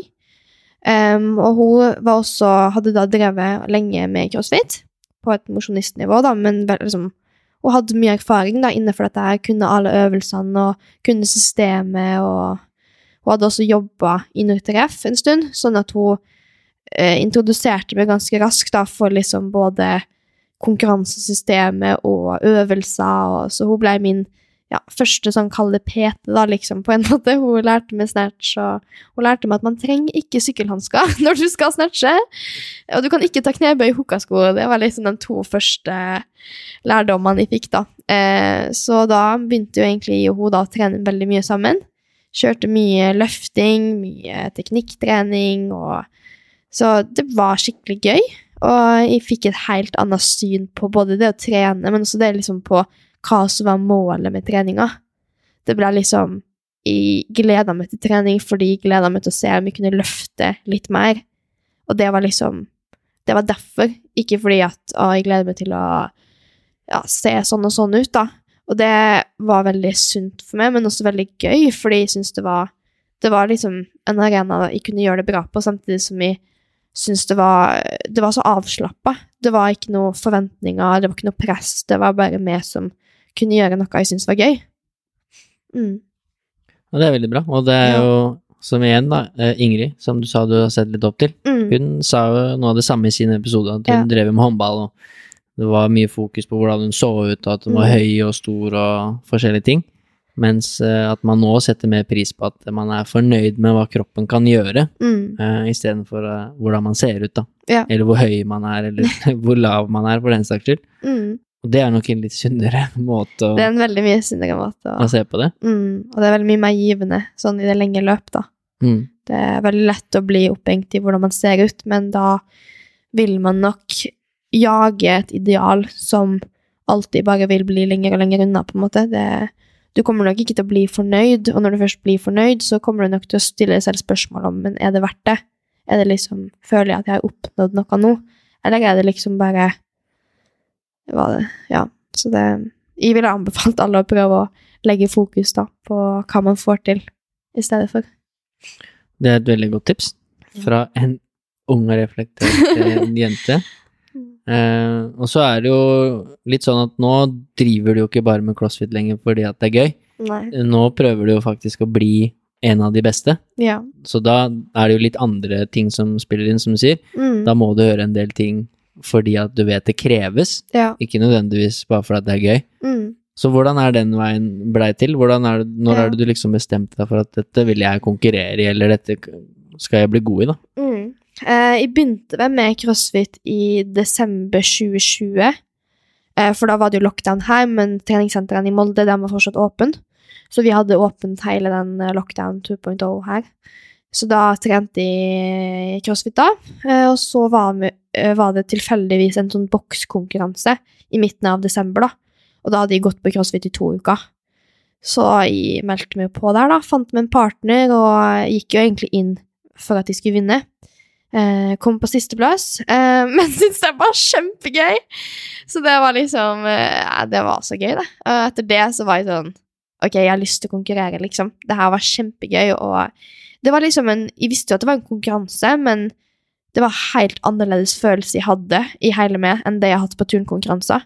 Jeg hadde ikke den der nervøse klumpen i magen, og jeg var ikke liksom redd for å dumme meg ut, eller Jeg følte ikke at hvis jeg ikke gjorde det så bra som jeg visste jeg kunne, da, så følte ikke jeg at liksom At alt jeg hadde gjort, var waste. Jeg bare tenkte ja, ja, da får vi bare gjøre det bedre på neste, da. Og så gjorde jo vi det ganske dårlig da på alle, for vi tapte med, ganske god margin. Sånn at um, det var jo liksom ikke det det gikk på heller, da. Det var mer det at det var skikkelig artig. Så um, jeg fortsatte jo å trene, og begynte vel å følge mange ulike program, for jeg skjønte jo ikke helt uh, hvordan trening fungerte, egentlig. Så jeg begynte vel på The Program, og så bytta jeg til The Training Plan, og så bytta jeg til Kriger, og så møtte jeg Egentlig ganske tilfeldig, så møtte møtte jeg Magnus Haugan, som da ble min trener.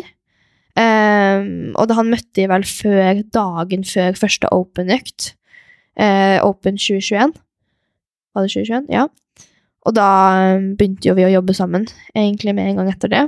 Så um, da fikk jeg jo en litt annen struktur på ting. Da blei det jo veldig mye mindre kjellerøkta og veldig mye mer styrke og logiske ting. Sånn, før så kunne jeg liksom kjøre 40 minutter med intervaller, og så kunne jeg gjøre fem sett med knebøy. Og det er jo for alle som blir sterkere, så vet de jo kanskje at det er ikke helt optimal rekkefølge å gjøre ting. Eh, så da ble det jo litt mer sånn system på ting, og jeg fikk også veldig mye mer kunnskap om ting, sånn at jeg lærte meg veldig mye, for det var jo også kanskje noe av det som var litt sånn dumt når jeg begynte med crossfit, da, var at jeg hadde ikke den kunnskapen om basistrening eller hvordan musklene fungerte på samme måte. For på turnings er ikke det liksom, det er ikke like relevant, da, eh, på samme måten som i crossfit. Så um, jeg lærte meg veldig mye, og vi samarbeida jo da hele 2021, og uh, avslutta jo da det året med å ta både NM-gull og VM-gull. Så det var jo veldig bra jobba, holdt jeg på å si, av oss. Eller sånn. Det var jo veldig gøy, det, da. At ja, ble norgesmester uh, i en sport du har holdt på med i ett år, ja. og verdensmester i det samme. Ja, det var jo veldig gøy. Brukbar progresjon. Det var veldig gøy. Det, jo, det var jo i ungdomsklassen, så um, det Man falt kanskje ikke like mye gjennom, da, for at man ikke var like sterk og sånn som uh, man ville gjort i voksenklassen. Men uh, det var et par øyeblikk der det året, da, som var sånn Som virkelig fikk meg til å skikkelig sånn, få skikkelig lidenskap for crossfit, da. Husker spesielt godt under NM 2021. Så satt de 61 kilo snatch, og det var liksom typ 6 kilo PR eller noe. Det var helt sykt. Jeg bare jeg hadde ingen tro på at de skulle klare det løftet, men jeg bare dro den, og så bare satt de der og, med knekt albue, liksom, og så bare bretta jeg albuen ut, og rumpa mi var i bakken, og det var det verste løftet ever, men det var liksom Sånne øyeblikk, det var liksom, da tenkte jeg ok, det, det, herfor, det, det, dette er grunnen til at man trener, liksom, for å få sånne øyeblikk der du bare kjenner at det her, dette klarte jeg nå fordi jeg har gjort den jobben jeg har gjort, da. Og så var det ingen som dømte deg på at det ikke den snatchen så så fin Nei, det var ingen som sto der og bare minus ti for stil. Det var heldigvis ingen som gjorde det, for da tror ikke det hadde blitt så mye poeng der. Ja, det er bra, og mm. som du sa, da, ja, du ble norgesmester, og du har bare holdt på med det et år, mm. men som du selv sa, så har du egentlig trent på å bli god i crossfit veldig lenge, ja. uten at du har visst det, da. Mm. Eh, med et godt grunnlag fra turen i tillegg. Ja. Så det er jo ikke sånn at du bare har knipsa, du har jo trent uh, veldig strukturert mm. allerede fra du var ti år. Det er sant. Så du har jo holdt på snart ti år allerede med strukturert trening. Det er også et veldig godt Så det har begynt å bli en stund. Ja. Og det er litt sånn mange kanskje glemmer, da. Med for eksempel Medeiros, som er den beste i crossfit nå for menn. Mm. Når han vant, så var det litt sånn folk bare Hvem er det her? Han er bare 21 år, ja. og han sa Men jeg har holdt på med dette hver dag i ti år. Ja. Jeg har holdt på siden jeg var 12-13, eller hva det er for noe. Så det er liksom det folk ofte glemmer, da. Ja. At det ligger mye jobb bak. Det gjør det. Mange Selv. timer. Ja. Mange timer som mange andre bruker på andre ting. Mm. Det er mange valg som ligger bak de resultatene man får, da. Og det er det som er gøy nå med crossfit, fordi nå er det blitt mer og mer vanlig at man begynner i ung alder, da. Mm. Det er det som er idretten din. Ja. Akkurat som med fotball, så begynner man når man er fem år da, å spille. Mens nå har crossfit blitt litt sånn også at man begynner veldig tidlig. Mm. Så nivået begynner jo å bli helt hinsides av hvor gode folk er. Mm. Så det blir spennende å se hvordan det utvikler seg, for man, det begynner å bli ganske drøyt nå, det dere får til. Ja. Men du ble jo norgesmester i år òg, Da var det 2022. U20-klassen. U20. Gått opp Mm. et hakk. Ja.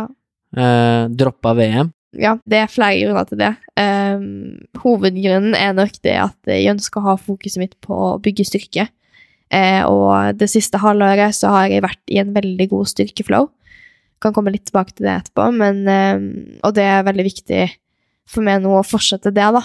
Og da uh, veit jeg at det hadde jo vært gøy å kjempe om å få et nytt VM-gull, men samtidig så vet jeg også at mine mål er ikke å ta VM-gull i ungdomsklassen.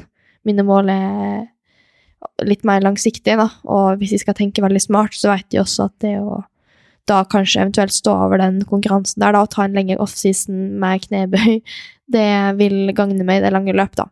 Så det er hovedgrunnen. Og så var jeg litt bekymra for at de skulle måtte dra til andre sida av verden for å kjøre fire tester med teknikkpoeng. Det hadde ikke vært noe. Men ja, så det var jo litt den morsomme at du ikke ville Ja. på sånn jalla-konkurranse. Men den litt dypere forklaringen er jo igjen Ja. en veldig reflektert eh, og gjennomtenkt eh, hva skal du si, avgjørelse, da. At du heller tenker langsiktig. Mm. At du trenger ikke å vinne nå. Eh, så det, det er også igjen viser jo litt hvem du er, da. At du Mm. er eh, fornuftig jente. Og så var du med på Oslo Trollland i- isteden. Ja. Og der konkurrerer du mot voksne mennesker, holdt jeg på å si, Ja. som uh, er eldre enn deg, sterkere enn deg, holdt på Mm. lenger, og så slår du de aller fleste av de òg. Ja. Så det veldig, blir veldig spennende å følge med på deg videre Ja. i den crossfit-delen. Det er gøy. Og så for å ta det et steg videre, som vi nevnte i innledningen, og som du har nevnt noen ganger også, er at du valgte nå skal jeg satse 100% på det. Mm. Nå skal jeg virkelig se hvor god jeg kan bli i crossfit, så da valgte Mm. du å flytte til Oslo. Ja. Eh, så kan du fortelle litt om det valget der. Ja, um, jeg har jo gått på videregående i Molde, som vi snakka litt om, at de har gått fire år. Så hadde jeg gått et vanlig studie for, for fader, studieforberedende, er det det heter? Okay. Det kan godt de hende. kaller det det. Ehm, ja, hva var det de snakka om, egentlig? Jeg ble helt satt ut Du gikk, du, gikk, du gikk det studiet i Molde. Ja, så egentlig så har jeg jo ett år igjen, så det Ja. var jo egentlig mest sånn etter Open 2022, eh, så gikk det veldig bra. Um, det var Ja, blei liksom topp ti i verden på to av øktene. Og endte vel på 22.-plass eller et eller annet i verden, og tredjeplass av alle damer i Norge. Og da var jo det litt sånn For meg så var det en sånn wake-up call, skulle jeg si, at eh, ok, jeg er faktisk på det her nivået. Eh, det her er noe jeg ønsker å jobbe videre med, da. Eh, og da så jeg egentlig ganske med en gang da, på mulighetene til å flytte studiet mitt til Oslo. Um, jeg hadde vært litt inne på tanken før, for det var noen frister og sånn, så var det litt sånn før da òg, men det var liksom Det var bare en idé opp i lufta, og så var det liksom det å se Open, da, som gjorde at de eh, virkelig fikk skikkelig lyst til det. For da treneren min, han holdt til i Oslo. um, og det er jo i Oslo CrossFit-kjernen da holder til. Det er jo litt i Trondheim og litt sånn andre steder, men det er i Oslo de aller fleste nå eh, trener, da. Så jeg visste at hvis jeg ønska å få den pushen som man trenger, da, så måtte jeg komme med dit. Det var jo litt annerledes og Altså, jeg var veldig glad i Molde. Det er en fantastisk boks, og jeg har jo egentlig ikke noe problem med å pushe meg til jeg dør hjemme alene, det gjør meg ingenting. Men eh, det er noe med det å være et miljø der alle ønsker det samme. Man blir liksom Det er noe med det å føle at man er en del av et miljø, da. Så eh, da bestemte jeg meg for å flytte, da, og så var det egentlig ganske tilfeldig at uh, hun som jeg nevnte i stad, Siada, min gode venninne, hun fikk et jobb jobbtilbud i Oslo. Så da eh, bestemte vi oss for å flytte sammen, da. Så da begynte vi på leilighetsjakt, som var et helvete. Men fant til slutt, etter litt sånn Var gjennom noen kakerlakker og vannlekkasje og noe greier, og så til slutt fant vi en leilighet, da. Så da flytta vi sammen på Torshov. Så um, Det husker jeg, den prosessen der. Ja, du sp spurte jo, sendte jo meldinga og spurte litt, men var, så, Ja. hjalp ikke Sondre deg med å jo, han gjorde det. Ja. Det var shout-out, Sondre. Du redda oss. Ja. Det er ikke sikkert vi hadde hatt tak over hodet hadde det ikke vært for Sondre. ja, det var litt av en prosess, altså. Så det er bra. Mm. Ja, så nå er du i Oslo, det er på plass, og det er som du er sier, eh, du hadde nok klart veldig fint å trene alene, du, Mm. men det er noe med at når man kommer på et eh, visst nivå, Mm. eh, så er det en fordel å trene med noen som vil det samme som deg, Det er det. og som kanskje til og med er bedre enn deg på en del ting. Ja, jeg er veldig fan av det, jeg vet ikke om det er et ordtak eller hva det er, men det at du, hvis du er best i klassen, så skal du bytte klasse. Ja. For det er litt sånn, jeg tenker da at jeg har ikke, jeg ønsker ikke å være best fordi der jeg er, for jeg vet at hvis du, er, hvis, du ikke du er best, så vil du strekke deg etter dem som er best. Og den, det, den følelsen av å strekke seg hele tida, måtte pushe og måtte gjøre sitt aller beste da for å komme dit du vil, det er veldig holdt på å si bærekraftig. Så um, det var det jeg bestemte meg for, da. Så er det jo en veldig stor bonus at jeg har treneren min her. Nå har jeg jo fått en ny trener, og og er veldig, veldig fornøyd med det samarbeidet man har her, da. Og det at man er fysisk eh, til stede og kan ja, snakke sammen hver dag, da. Det er også veldig viktig. Ja, det er en stor fordel, at Mm. eh, treneren har muligheten til å se deg. Mm. Eh, ikke bare liksom gi deg økter, og så gjennomfører du det, Mm. men at han kan se hvordan du responderer på det, kanskje hvordan du føler det, hvordan du har det, Og det har nok ikke vært den letteste, for jeg er veldig glad i, jeg en sånn slave til programmet. Så hvis jeg, hvis jeg står i programmet, så er det ganske mye som skal til for at jeg ikke gjør det. Jeg har blitt mye bedre nå, da. Nå er jeg sånn, jeg kan faktisk endre det hvis jeg kjenner at det her er ikke vits, liksom. Men før så var det sånn, uansett hva som sto. Jeg husker da han hadde skrevet, det var min gamle trener da, eh, han hadde skrevet et eller annet feil, så i stedet for å gjøre tre runder med fem minutter intervaller, så gjorde jeg tre ganger tre runder. Så jeg gjorde liksom ni runder. Så jeg holdt jo på med disse intervallene i to og en halv time, eller hva det var, og jeg var jo Etter det, jeg, jeg var helt død. Sånn, ja.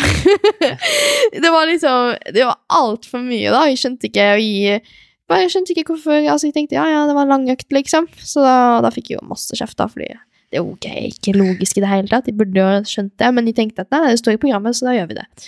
Så um, nei, det han treneren jeg har nå, Simen Aaslund, han er veldig flink til både det å se med, og også det å være litt bastant, da. Være sånn at nei, ja, du skal ikke gjøre det her, og du skal ikke gjøre mer. Nå har, jo, nå har du gjort nok. Og han holder meg litt tilbake, da, og det tror jeg er veldig viktig for min langsiktige karriere.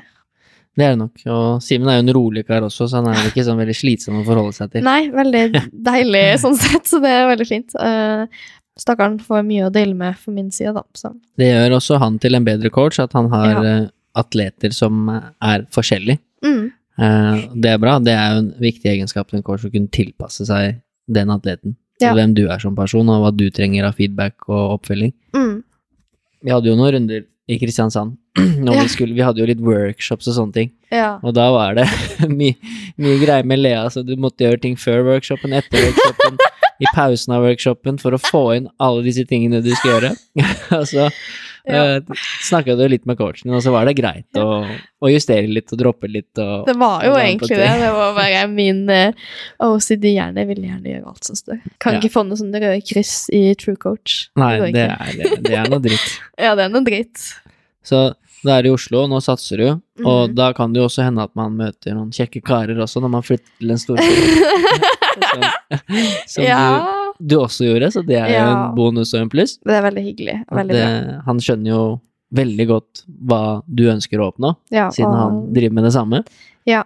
Og det Det- kan jo være en pluss, det òg. det er en veldig stor fordel. Jeg veit hvor mye det betyr, og man merker det veldig godt at eh, det å ha noen som ser verdien i alle de små valgene man gjør, og som er hele tida positiv, da, og ikke holder man tilbake, og det er liksom Han òg er like Han vil også legge seg klokka ni og spise kylling og ris, og det er ikke noe jeg må liksom tvinge på den andre, da. Og det er veldig, veldig fint å få støtte i det. Men uh, har han begynt med hvit søtpotet? Nei. han er ikke så god på sånn grønnsaker og sånn. Han er sånn, litt mer sånn eksotiske ting. Eh, men det kommer ikke. Skittles og sånne ting? Farge? Skittles, der er han veldig god. Ja. Eh, men eh, ja, litt mer sånn farger og sånn i kosten, det hadde ikke gjort skade. Nei. Men eh, det er ikke så lenge siden vi fikk på litt pesto på pizzaen. Ok, så litt farge. Det var litt farge, i hvert fall. Jeg vet ikke om det var den beste fargen, men eh, det funker. Der kan dere utfølge hverandre litt, da. Det er Ja. bra, det. Det er veldig bra. Eh, vi skal snakke litt om det å ha fokus på styrke, Mm. og ikke på kropp. Ja. Men må du tisse? Nei, jeg bare er sånn all okay. over the place. Ja. Det ser ut som du må tisse, men du må Jeg ikke. gjør det. Nei, jeg er bare sånn. Ja. Nei, jeg må ikke tisse. Okay. Ja. Det er bra. Vi skal snakke litt om det, med det å ha fokus på styrke. Mm, Hvor du kan fortelle litt om den syklusen du er inne i, mm. hva skal du si, litt faglig, hva du faktisk jobber med. Ja. Eh, men også det hvor du skrev i parentes der at du skal ha fokus på styrke og ikke på kropp. Mm.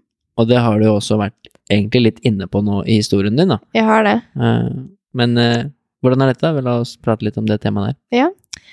Nei, det er jo eh, Helt siden jeg begynte med crossfit, så har jo vi vært ganske sånn bevisst på at det er styrken som er min største utfordring, da. Og jeg er jo en relativt liten atlet da, sammenlignet med mange andre, eh, og det har jo selvfølgelig sin pris når det gjelder styrke. Altså med smooth mass, det er jo sånn det fungerer. Em, så jeg har jo hele tida visst at eh, om jeg ønsker å bli så sterk som man må bli, så må man bli større. Og det har jeg på en måte alltid vært em, akseptert for. Altså sånn, jeg har akseptert det og tenkt at det er helt greit. Men eh, det er jo Det er ikke bare bare. Og det er liksom en Man har, i hvert fall for min side, så har jeg underliggende, kall mekanismer, da, som også vil ha kontroll, på en måte. Det er sånn, ja, ja, det er greit å legge på seg, og det går helt fint, men samtidig så er det liksom så er det et eller annet inni meg som også vil ha kontroll, og da vil automatisk liksom motstride litt det der, da. Um, og det har jeg selvfølgelig syntes har vært litt vanskelig, men eh, så nå i dette siste året her, spesielt, ja, egentlig siden Open, da, så når jeg så det, eh, hva jeg kan få til, da, eh, så innså jeg det at eh, nå må man bare Nå må man bare gå all in. Og da tvang jeg egentlig litt meg selv, da, eller sånn Det var starta jo med at jeg rett og slett bare prøvde å finne ut ok, hva, hva er det de vil oppnå, liksom. Vil de bli best, eller vil de fortsette å ha kontroll? Og da var det jo ganske greit eh, svar på det, at de ønsker å bli best, og jeg ønsker å gjøre absolutt alt jeg kan for å bli best. Og hvis det betyr at jeg må gi opp denne kontrollen, da, eller i hvert fall deler av den, og liksom bare la det litt gå, så gjør jeg det. Og eh, jeg gjorde jo det, og har det siste året da fokusert bare på prestasjon. Eh, og da fokusert minimalt på hvordan kroppen ser ut. Så lenge den kan prestere på trening og gjøre det jeg vil at den skal gjøre, så har det egentlig fint lite å si hvordan den ser ut. Og det har gjort veldig mye for min styrkeutvikling. Um, jeg har spist veldig mye hele veien, så jeg har aldri så jeg, Det er egentlig siden jeg begynte med crossfit, har jeg spist godt med mat. Men uh, jeg har veldig høy forbrenning, så jeg har slitt mye med det at det har vært veldig mye mengde mat, og så har det vært veldig vanskelig for meg å, å liksom, Så jeg føler at det er så mye mer enn mange andre, og da blir jeg liksom sånn Å nei, nå spiser jeg veldig mye mer, og så skal jeg spise mer enn det igjen. Altså, det blir mine, Mitt hode bare syns det har vært vanskelig å forholde seg til, men det siste året så har jeg også samarbeida med Litt sånn fått sånn hjelp utenfra, eh, og fått skikkelig plan på det. Og det har hjulpet masse.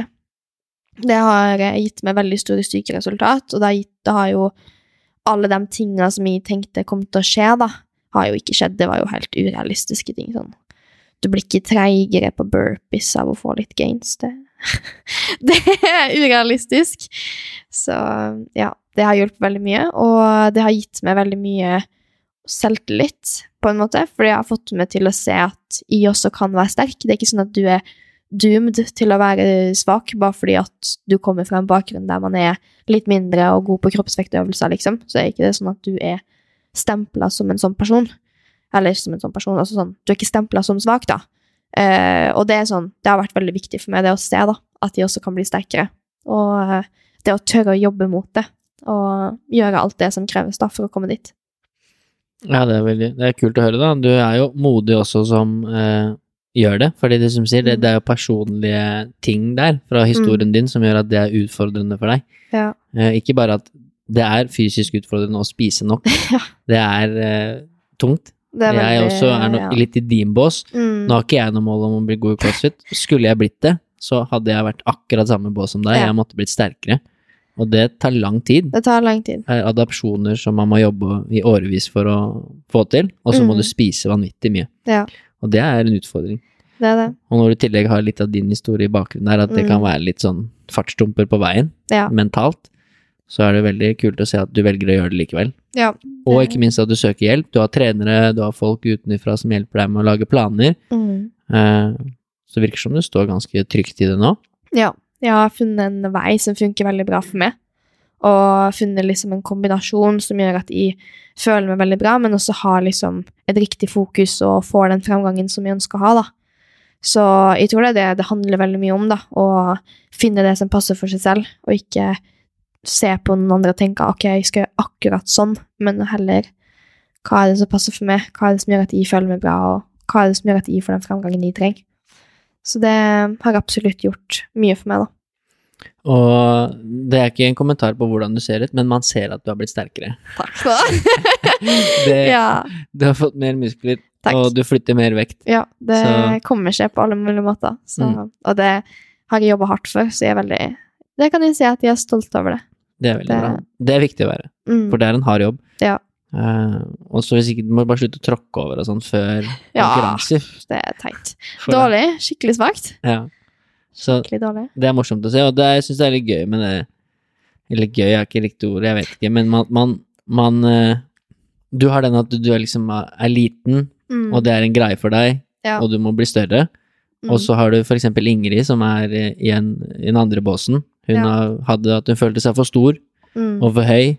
Uh, og det er liksom sånn Man finner alltid ting Man er flink til å finne ting som man liksom ikke er god nok på, Mm. og sammenligne seg med andre.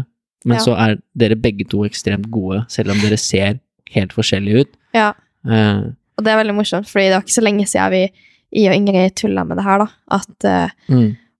hun ville ha mine Hva var det hun ville ha? Hun ville ha mine bar muscle ups. Ja, Og da hun kunne få dem hvis vi fikk henne power, hennes power cleans. Akkurat. Så ja, sånn uh, Gi og ta. Sånn, det, er veldig gøy. Det er morsomt. Jeg hadde jo var på Oslo Trådland og så på dere. Ja. Og på søndagen så var det jo intermediate-konkurranse. Og da Mm. hadde jeg jo med en utøver, som jeg Ja. coacher. Og det er jo litt, på litt over hobbynivå. Mm. Ikke noe sånn mål om å bli sånn med dere. Men hun er veldig god. Mm. Eh, og hun har igjen følt veldig på at hun er, hun er veldig høy. Hun er jo Ja. så å si 1,80. Ja. Og det er ikke så veldig mange crossfittere som er det. Nei. Så hun og vi har hatt utallige samtaler om det i samme at hun er altfor høy, og hun kan ikke vinne, og det er for lang vei, og det går Ja. ikke, og alle de jeg konkurrerer mot er så små og sterke og smidige og sånn. Mm. Hun vant jo intermediate ganske overlegent. Ja, Eh. Selv om hun er høy. Ja. Og det er som du sier, det å liksom få de opplevelsene om at jeg er bra nok, Mm. kanskje mer enn det òg, Mm. uansett hvor høy jeg er, Ja. eller stor, det tror jeg er viktig. Det tror jeg. At man har fokus på hva kroppen får til, da. Ja. Og det er gøy å se at det går framover med styrken din, da. Ja, det er veldig gøy. Og det skal du vel fortsette å fokusere på, tenker jeg. Ja, det blir mye bøy framover. Mm. Det er det som står på planen. Og hvis du vant, eller du ble topp ti, var det det du sa, Mm. på et par økter i verden Ja, det var topp fem, eller femteplass på første og åttendeplass på andre. Ja, det er relativt eh, bra. Ja, Og så ble ble du nummer 22 I verden. i verden på Open. Mm. Hva skjer når du nå blir sterkere? Da Ja, men passe seg, da! blir- blir tøft. Det blir tøft for de andre, altså. Mm, det blir gøy. Så det er bra. Mm. Det er jo litt på inn mot det neste punktet, da. At Mm. hva, hva er målene dine videre? Du har Ja. jo sagt at du vil til games, du har sagt at du vil bli sterkere, Mm. og du virker som du er veldig flink til å fokusere på det som er viktig for deg. Ja. Men eh, hva er det liksom med mål videre nå, da, hvis man tenker ut året og neste? Mm. Eh, jeg har nok eh, Jeg har jo selvfølgelig mine konkurransemål dette året som kommer nå. Eh, men hovedmålet vil ligge på styrken. Det er har fortsatt Det har kommet seg masse, og man begynner å ta igjen, eller dekke liksom hullet litt. Men eh, man er nok fortsatt akkurat liksom i grenseland på å kunne falle veldig hardt gjennom, da. Så, men målet blir nok å komme seg til semifinale. Det skal man eh, ikke se at det blir helt umulig. Så det hadde vært veldig gøy å klare det. Det er jo denne quarterfinals er jo kjent for å putte inn en dustete maksløft. så hjelper det liksom ikke om man er topp 30 på resten når det kommer én økt. Da blir du slått av 5000, ikke sant. Men eh, jeg håper på at styrken min kan bli såpass at, eh, at det kan liksom akkurat holde, da. Det er målet mitt. Så um, det er kanskje hovedkonkurransemålet mitt, da. Skal jeg jo delta på en del andre off-season-konkurranser. Um, skal til Tyskland, som jeg nevnte, med Victor. Så, så det blir veldig hyggelig. Det er vel functional fitness-konkurranse, faktisk, så det blir spennende. Det er egentlig en kjærestetur som dere har eh, Nei, det er ikke en kjærestetur. pakka Det er inn en, i konkurranse. det er en konkurranse. Det er Ok. førstepri når vi er på konkurranse. Vi har vært på flere konkurranser sammen, og Ja. da er det konkurranse som kommer først. Ja, det, er, Så, mm, det er dere viktig. det er viktig å være litt kjærester, og dere klarer Ja. det? Ja da, litt. Ja, på, Litt Også utenfor. søndagen der når man er ferdig. Ja. Ja. men det er bra. ja. Så du har noen, du igjen så har du jo litt fokus på hva som er viktigst for deg, sånn Mm. langsiktig. Ja. Men selvfølgelig, man har jo noen konkurransemål og ting man gjerne skulle ønske. Ja. Åpne, det blir spennende å se. Mm. Det kan hende det er en annen konkurranse du skal være med på også. ja, vi får se. det kan være veldig kult. det blir fort litt sånn småtteri som popper opp. Ja. Så det blir gøy. Så har man jo mål om at det ikke skal være altfor mange år til man karres en plass til games. Ja. Det er jo sånn systemet er nå, så er det jo for min del det verste å komme seg til semi med den quarterfinal maksløftet. Så vi får krysse fingrene, så eh, får jeg bare jobbe på med squatsen min. Så Og du har jo blitt flinkere til å slippe kontrollen på det du ikke kan ha kontroll på. ja, det har kommet seg masse. Så det er bra. Mm, det er veldig bra. Men det jeg har lyst til å spørre om, som, Mm. det handler jo om dette, men uh, som jeg ikke har nevnt før deg. Ja. Fordi når man driver med idrett, så har man jo ofte litt forbilder. Ja. Det er vanlig i hvert fall, Mm, at man har noen å se opp til. Og jeg syns det er bra at man har fått flere i crossfit. mm, At vi kødda jo litt med deg at eh, du vil spise hvit søtpotet av Andreas Solberg sånn. ja. Men på en annen side er det veldig fint at man har forbilder. Mm, For det er det som ofte skaper interessen og er med på å booste liksom, motivasjonen til unge mennesker. mm, Eh, Jeg har sett på utallige fotballspillere når jeg vokste opp, og jeg skal bli som han og like Ja. god, og så trener man mer fordi man ser opp til de. Og i NM i år så fikk jo du være på lag med ditt forbilde, ja, Andrea. det var Dere gjorde det jo relativt bra. Ja, vi gjorde jo det. Det ble jo et lite sølv, da. Det ble sølv. Mm. Men hvordan var den opplevelsen? Er det jeg har lyst til å spørre deg om å skulle konkurrere med henne når det har vært en person du har sett eh, opp til, da? Det var veldig gøy. Eh, vi hadde jo møttes litt før, så vi kjente hverandre sånn litt. Men uh, når hun ringte med Det var jo Jeg ble jo da sånn step-in, for hun um, Hennes opprinnelige uh, partner måtte trekke seg. Så hun ringte jo med på uh, onsdagen, onsdags ettermiddag, og lurte på om vi ville komme ned på torsdag og konkurrere på fredag. Så jeg sa jo ja, da. Så da fløy hun ned samme dagen og bare bodde på sofaen hennes, og det var bare sånn Det var litt sånn surreal, hvis du skjønner. Det var bare sånn Skjer det her, liksom? Men uh, samtidig så er jo Andrea en veldig jordnær og veldig hyggelig jente, så vi har jo blitt kjempegode venner nå. Så det er veldig morsomt, da. Det For så vidt hele gjengen på CFO, er jo, eller CrossFit Oslo, er jo en veldig fin gjeng. Det er mange gode forbilder der som, eh, som absolutt er fine folk å se opp til. Så um, det er en som jeg vil trekke fram, som jeg tror ikke engang veit at jeg liksom ser litt opp til han. Eh, det tror jeg egentlig ikke han eh, kunne sett for seg engang. Men det er en Henrik Yttervik, og det er litt morsomt, for han er liksom ikke ny til CrossFit Oslo, men litt ny, på en måte. Og det som er med han, at han er bare så genuint glad på andre sine vegne. Og jeg har aldri møtt et sånt menneske som er, rett og slett kan glede seg så mye på andres vegne før.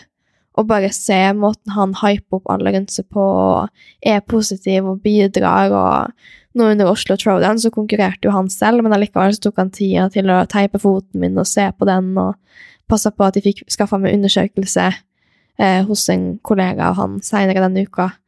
Og det er liksom Det å på en måte se da at selv om man er konkurrenter, og selv om man ønsker å bli best selv, og ønsker det beste for en selv, da, så har man muligheten til å eh, også strekke seg for at andre rundt skal ha det bra, da.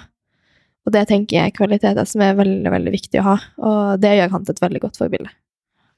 Henrik er fin fyr. Mm. Han er alltid blid. eh, Alltid blid. Og så er han jo eh, jækla god i crossfit sjøl. Ja, det er morsomt hvor god han er. Det, Han er veldig god. Han ble nummer to i Oslo Throwdown. Han ble det. Eh, Han som vant, var jo en klasse for seg. Ja. Men uh, Henrik er veldig god, Veldig god. og en uh, fin type. Han var jo med på uh, L4 Throwdown. Vi hadde en sånn liten konkurranse Sant når vi åpna boksen vår. Ja. Og da var jo han en av de som stilte opp, og var veldig ålreit å Ja. forholde seg til. Mm. Og da ble han så vidt slått av Chris, Oi. så vi fikk, vi fikk en hjemmeseier. Ja, men det er bra. Men han er en fin fyr.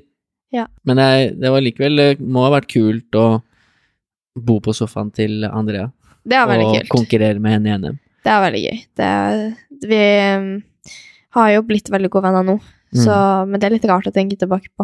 At det bare sånn Plutselig så bare bodde man sammen og skulle konkurrere sammen, og man var jo litt redd for å pisse på seg, eller sånn gjøre noe dumt, liksom. Så, men det gikk jo veldig bra. Så. Det gikk veldig bra. Men vi det var skal mitt stille neste år. Ja, kult. Det var mitt neste spørsmål. At eh, Ja. jeg har jo hørt at Andrea har noen likhetstrekk som deg. Ja, noen. at hun også er glad i å ha kontroll. Ja, vi Eh, er ganske så like, skal jeg si det. Det er flere Det er rart, faktisk, hvor like vi er. men hvordan var det eh, i den konkurransen? da? Følte du noe på de, de gamle følelsene av at jeg kan ikke skuffe henne?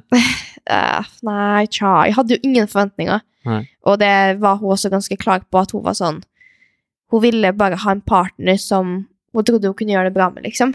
Ja. Og vi var sånn, vi hadde jo ikke fått trent en skitt sammen, og den ene økta hadde jo masse worm, og vi fikk jo da omtrent 15 minutter på torsdagen, det var det vi fikk øvd med denne wormen, og vi sleit jo med å plukke den opp, liksom, så det var jo helt krise. Eh, så vi var egentlig sånn, ja, vi bare gjør det for gøy, liksom. Og da, jeg tror når begge hadde den innstillinga, så gikk det veldig smooth. Da var det jo liksom, vi hadde det gøy på hver økt, og vi koste oss, og når det gikk bra, så var det kjempebra, og når det gikk dårlig, så var det sånn, lol, liksom. Det, Så dere klarte å gi litt faen, da. ja, vi klarte å gi litt faen, så det Ja. tror jeg var veldig gøy, og veldig viktig. Men neste år så skal vi ta gull. ok, så da, da kan vi se. Ja. Det blir spennende, det tror jeg dere kan klare òg. Ja. Det var spesielt kult den ene økta hvor dere skulle gjøre burpee over sånn, eh, over sånn, sånn bjelke. Ja, Hvor dere gjorde en sånn turnvariant. ja, Dere var vel de eneste som gjorde det sånn. ja, det var en spøk i oppvarminga, jeg bare, «Haha, lol, skal ikke vi bare turne over den da? Og så bare viste de da, bare for å vise hvor teit de var. Og så var det sjukt smart. Ja, det var jo Ja. veldig bra. Så vi endte jo opp med å gjøre det sånn, og vi var jo raskest av alle på burpeesene. Mm. Så det var veldig, veldig smart. To tidligere turnere der. Ja, så utnyttet utnytte det. Det er veldig bra. Så det blir spennende å se, da. Der var, sa du det var et mål, det òg. Skal vinne NM neste år. Ja. Med Andrea. Må få med oss litt gull der. Det er jo i Trondheim, nesten i Molde. Ja. Det er på hjemmebane. Det er på hjemmebane Ja, nesten hjemmebane. Mm. ja, det blir spennende å se. Ja. Uh, det var en fin uh, historie, Lea. ja, takk. Og du er bare 18 år, så du har så vidt begynt å skrive historien. Du har så vidt begynt Ja. å skrive den. Ja, det er sant. Du har masse kapitler igjen. Mm. Men til slutt så må jeg gi deg noen spørsmål. Ja. Som jeg gir til alle i poden. Ja. Litt forskjellig. Ja. Og jeg veit jo at du har hørt noen av episodene mine. ja, men jeg må ærlig innrømme at jeg husker ikke disse spørsmåla, hvis det er sånne faste spørsmål. Altså. Nei, det ikke Det var i starten, okay. men så har det ikke vært det de siste. Okay. Men uh, noen som går igjen, Ja, okay. og noen litt nye, da. Jeg er klar. Uh, så den første er jo Jeg var litt usikker på om jeg kunne spørre deg om det, for at du er bare 18 år. Ja. Så er det sånn uh, Du har ikke så mange år å se tilbake på, men så har du jo litt det, da. ja. Så det spørsmålet er jo hvilket råd uh, du ville gitt en yngre variant av deg selv. Uh, så mange av, eksempel hvis man er 30 år, da. Hva Mm. ville du sagt til deg selv når du var 12? Gi faen. man-. Gi faen, ja. Gi faen. Rett og slett. Lær deg selv å gi faen. ja. Det er, når du lærer det, og lærer å gi faen på de riktige tidspunktene, så sparer du deg selv for mye. Så det ville jeg definitivt sagt til meg selv. Og det har du blitt bedre på nå. Det har jeg blitt bedre på. det tror jeg du gir deg selv eh, den dag i dag, da. ja. Det er veldig bra. Det var jo enkelt å svare på det. Ja, det, det kom eh, fort. det er bra. Jeg har jo en del lyttere Mm. som driver med idrett. Ja. Uh, og det har vært veldig mange som har drevet med håndball, og så har det kommet fotball, og så har det kommet en del crossfit de siste årene. Ja. Så det er ganske mange unge mennesker som har lyst til å bli gode i idretten sin, som hører på, Mm. og mange som er gode allerede. Mm. Men hvis du tenker på andre utøvere der ute, da, Ja. som gjerne er unge, Ja. og som har en drøm om å bli skikkelig god i idretten sin, Mm. hva er, er det du ønsker å si til de, annet enn at de skal gi faen? Gi faen i alt nå. Oi, Uh, nei, oi gud. Um, det er jo litt det med å bare gjøre det du har lyst til å gjøre. At hvis du har lyst til å satse, så gjør du det. Og da må du gjøre de tinga som gjør at du kommer dit du har lyst til. Og du må ta de riktige valgene, og du må liksom Du må gå for det uh, uten å tenke på hva alle andre mener om det. For folk kommer til å ha meninger, folk kommer sikkert til å tenke at nei, det er ikke vits, og ja, du kommer aldri til å komme deg dit, og sånn, men du må bare stå i det.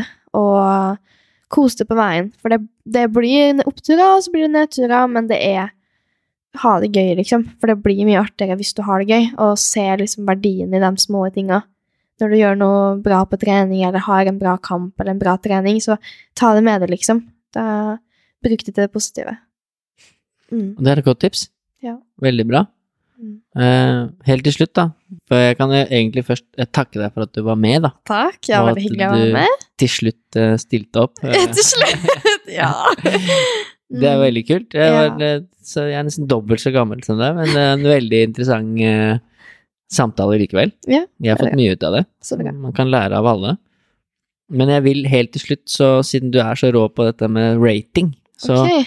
så for de som er interessert i proteinbarer og sånn, Ja. hva er liksom Hva er den beste proteinbaren, hvis du skal gi den beste sånn uh...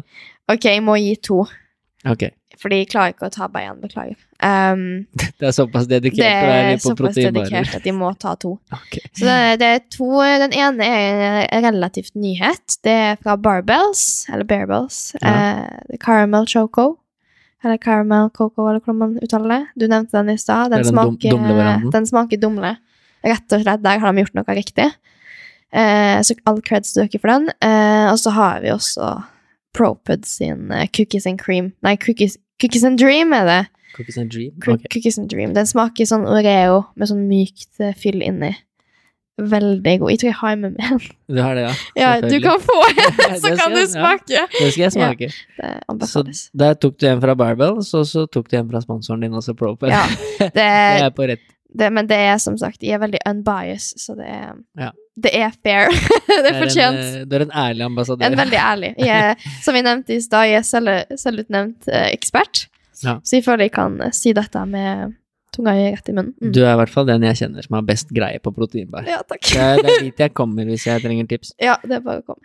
Og den siste er jo hvis man skal ut og kose seg med kjæresten sin, for eksempel, eller noen andre, og du har lyst på indisk, Mm, hvor går man i Oslo da? Hvilken indisk restaurant velger man, og hvorfor velger man akkurat den? Ok, så det her er litt vanskelig spørsmål, fordi det er to Men det er én, det er én, okay, men det er to som er verdt å nevne. Okay. Så det er New Delhi på Sjuvholmen. Store porsjoner, veldig god kylling, veldig bra service. Kan være litt mange folk der, men veldig fin atmosfære. Litt sånn halvveis musikk, men det funker. Mm. Og så har vi også Listen to Baljit, som ligger oppe på Solli der, tror jeg. Og der har de ekstremt god mat, men der er det litt mindre sånn service og sånn. Så hvis du skal ut på date, så dra på New Delhi. Da får du en god opplevelse. Så når du skal på date med Victor, så drar du på New Delhi. Ja, vi skal dit i helga. Ja, ikke sant? Det, kan du se. Ja. Det er fint. Mm. Og hvis du skal bare ha god mat, men ikke så opptatt av atmosfæren, så kan du gå på en andre. Ja, listen to budget. Funker det òg. Det er bra, Lea. Det er masse tips her å ta med seg for Mm. alle der ute. det er bra. Både indisk og barer og, og, og med livet generelt. Så Ja, tusen takk for at du ble med. Jeg gleder meg til å følge deg videre. tusen takk. Det var hyggelig. Tusen takk for at du har satt av tid til å lytte. Det setter jeg stor pris på, og jeg håper at du sitter igjen med noe verdifullt. Hvis du ønsker mer inspirasjon til trening og helse, følg meg, coach Elo, på Instagram. Der kan du også stille meg spørsmål, samt komme med tilbakemeldinger til podkasten. Du finner lenken i episodebeskrivelsen.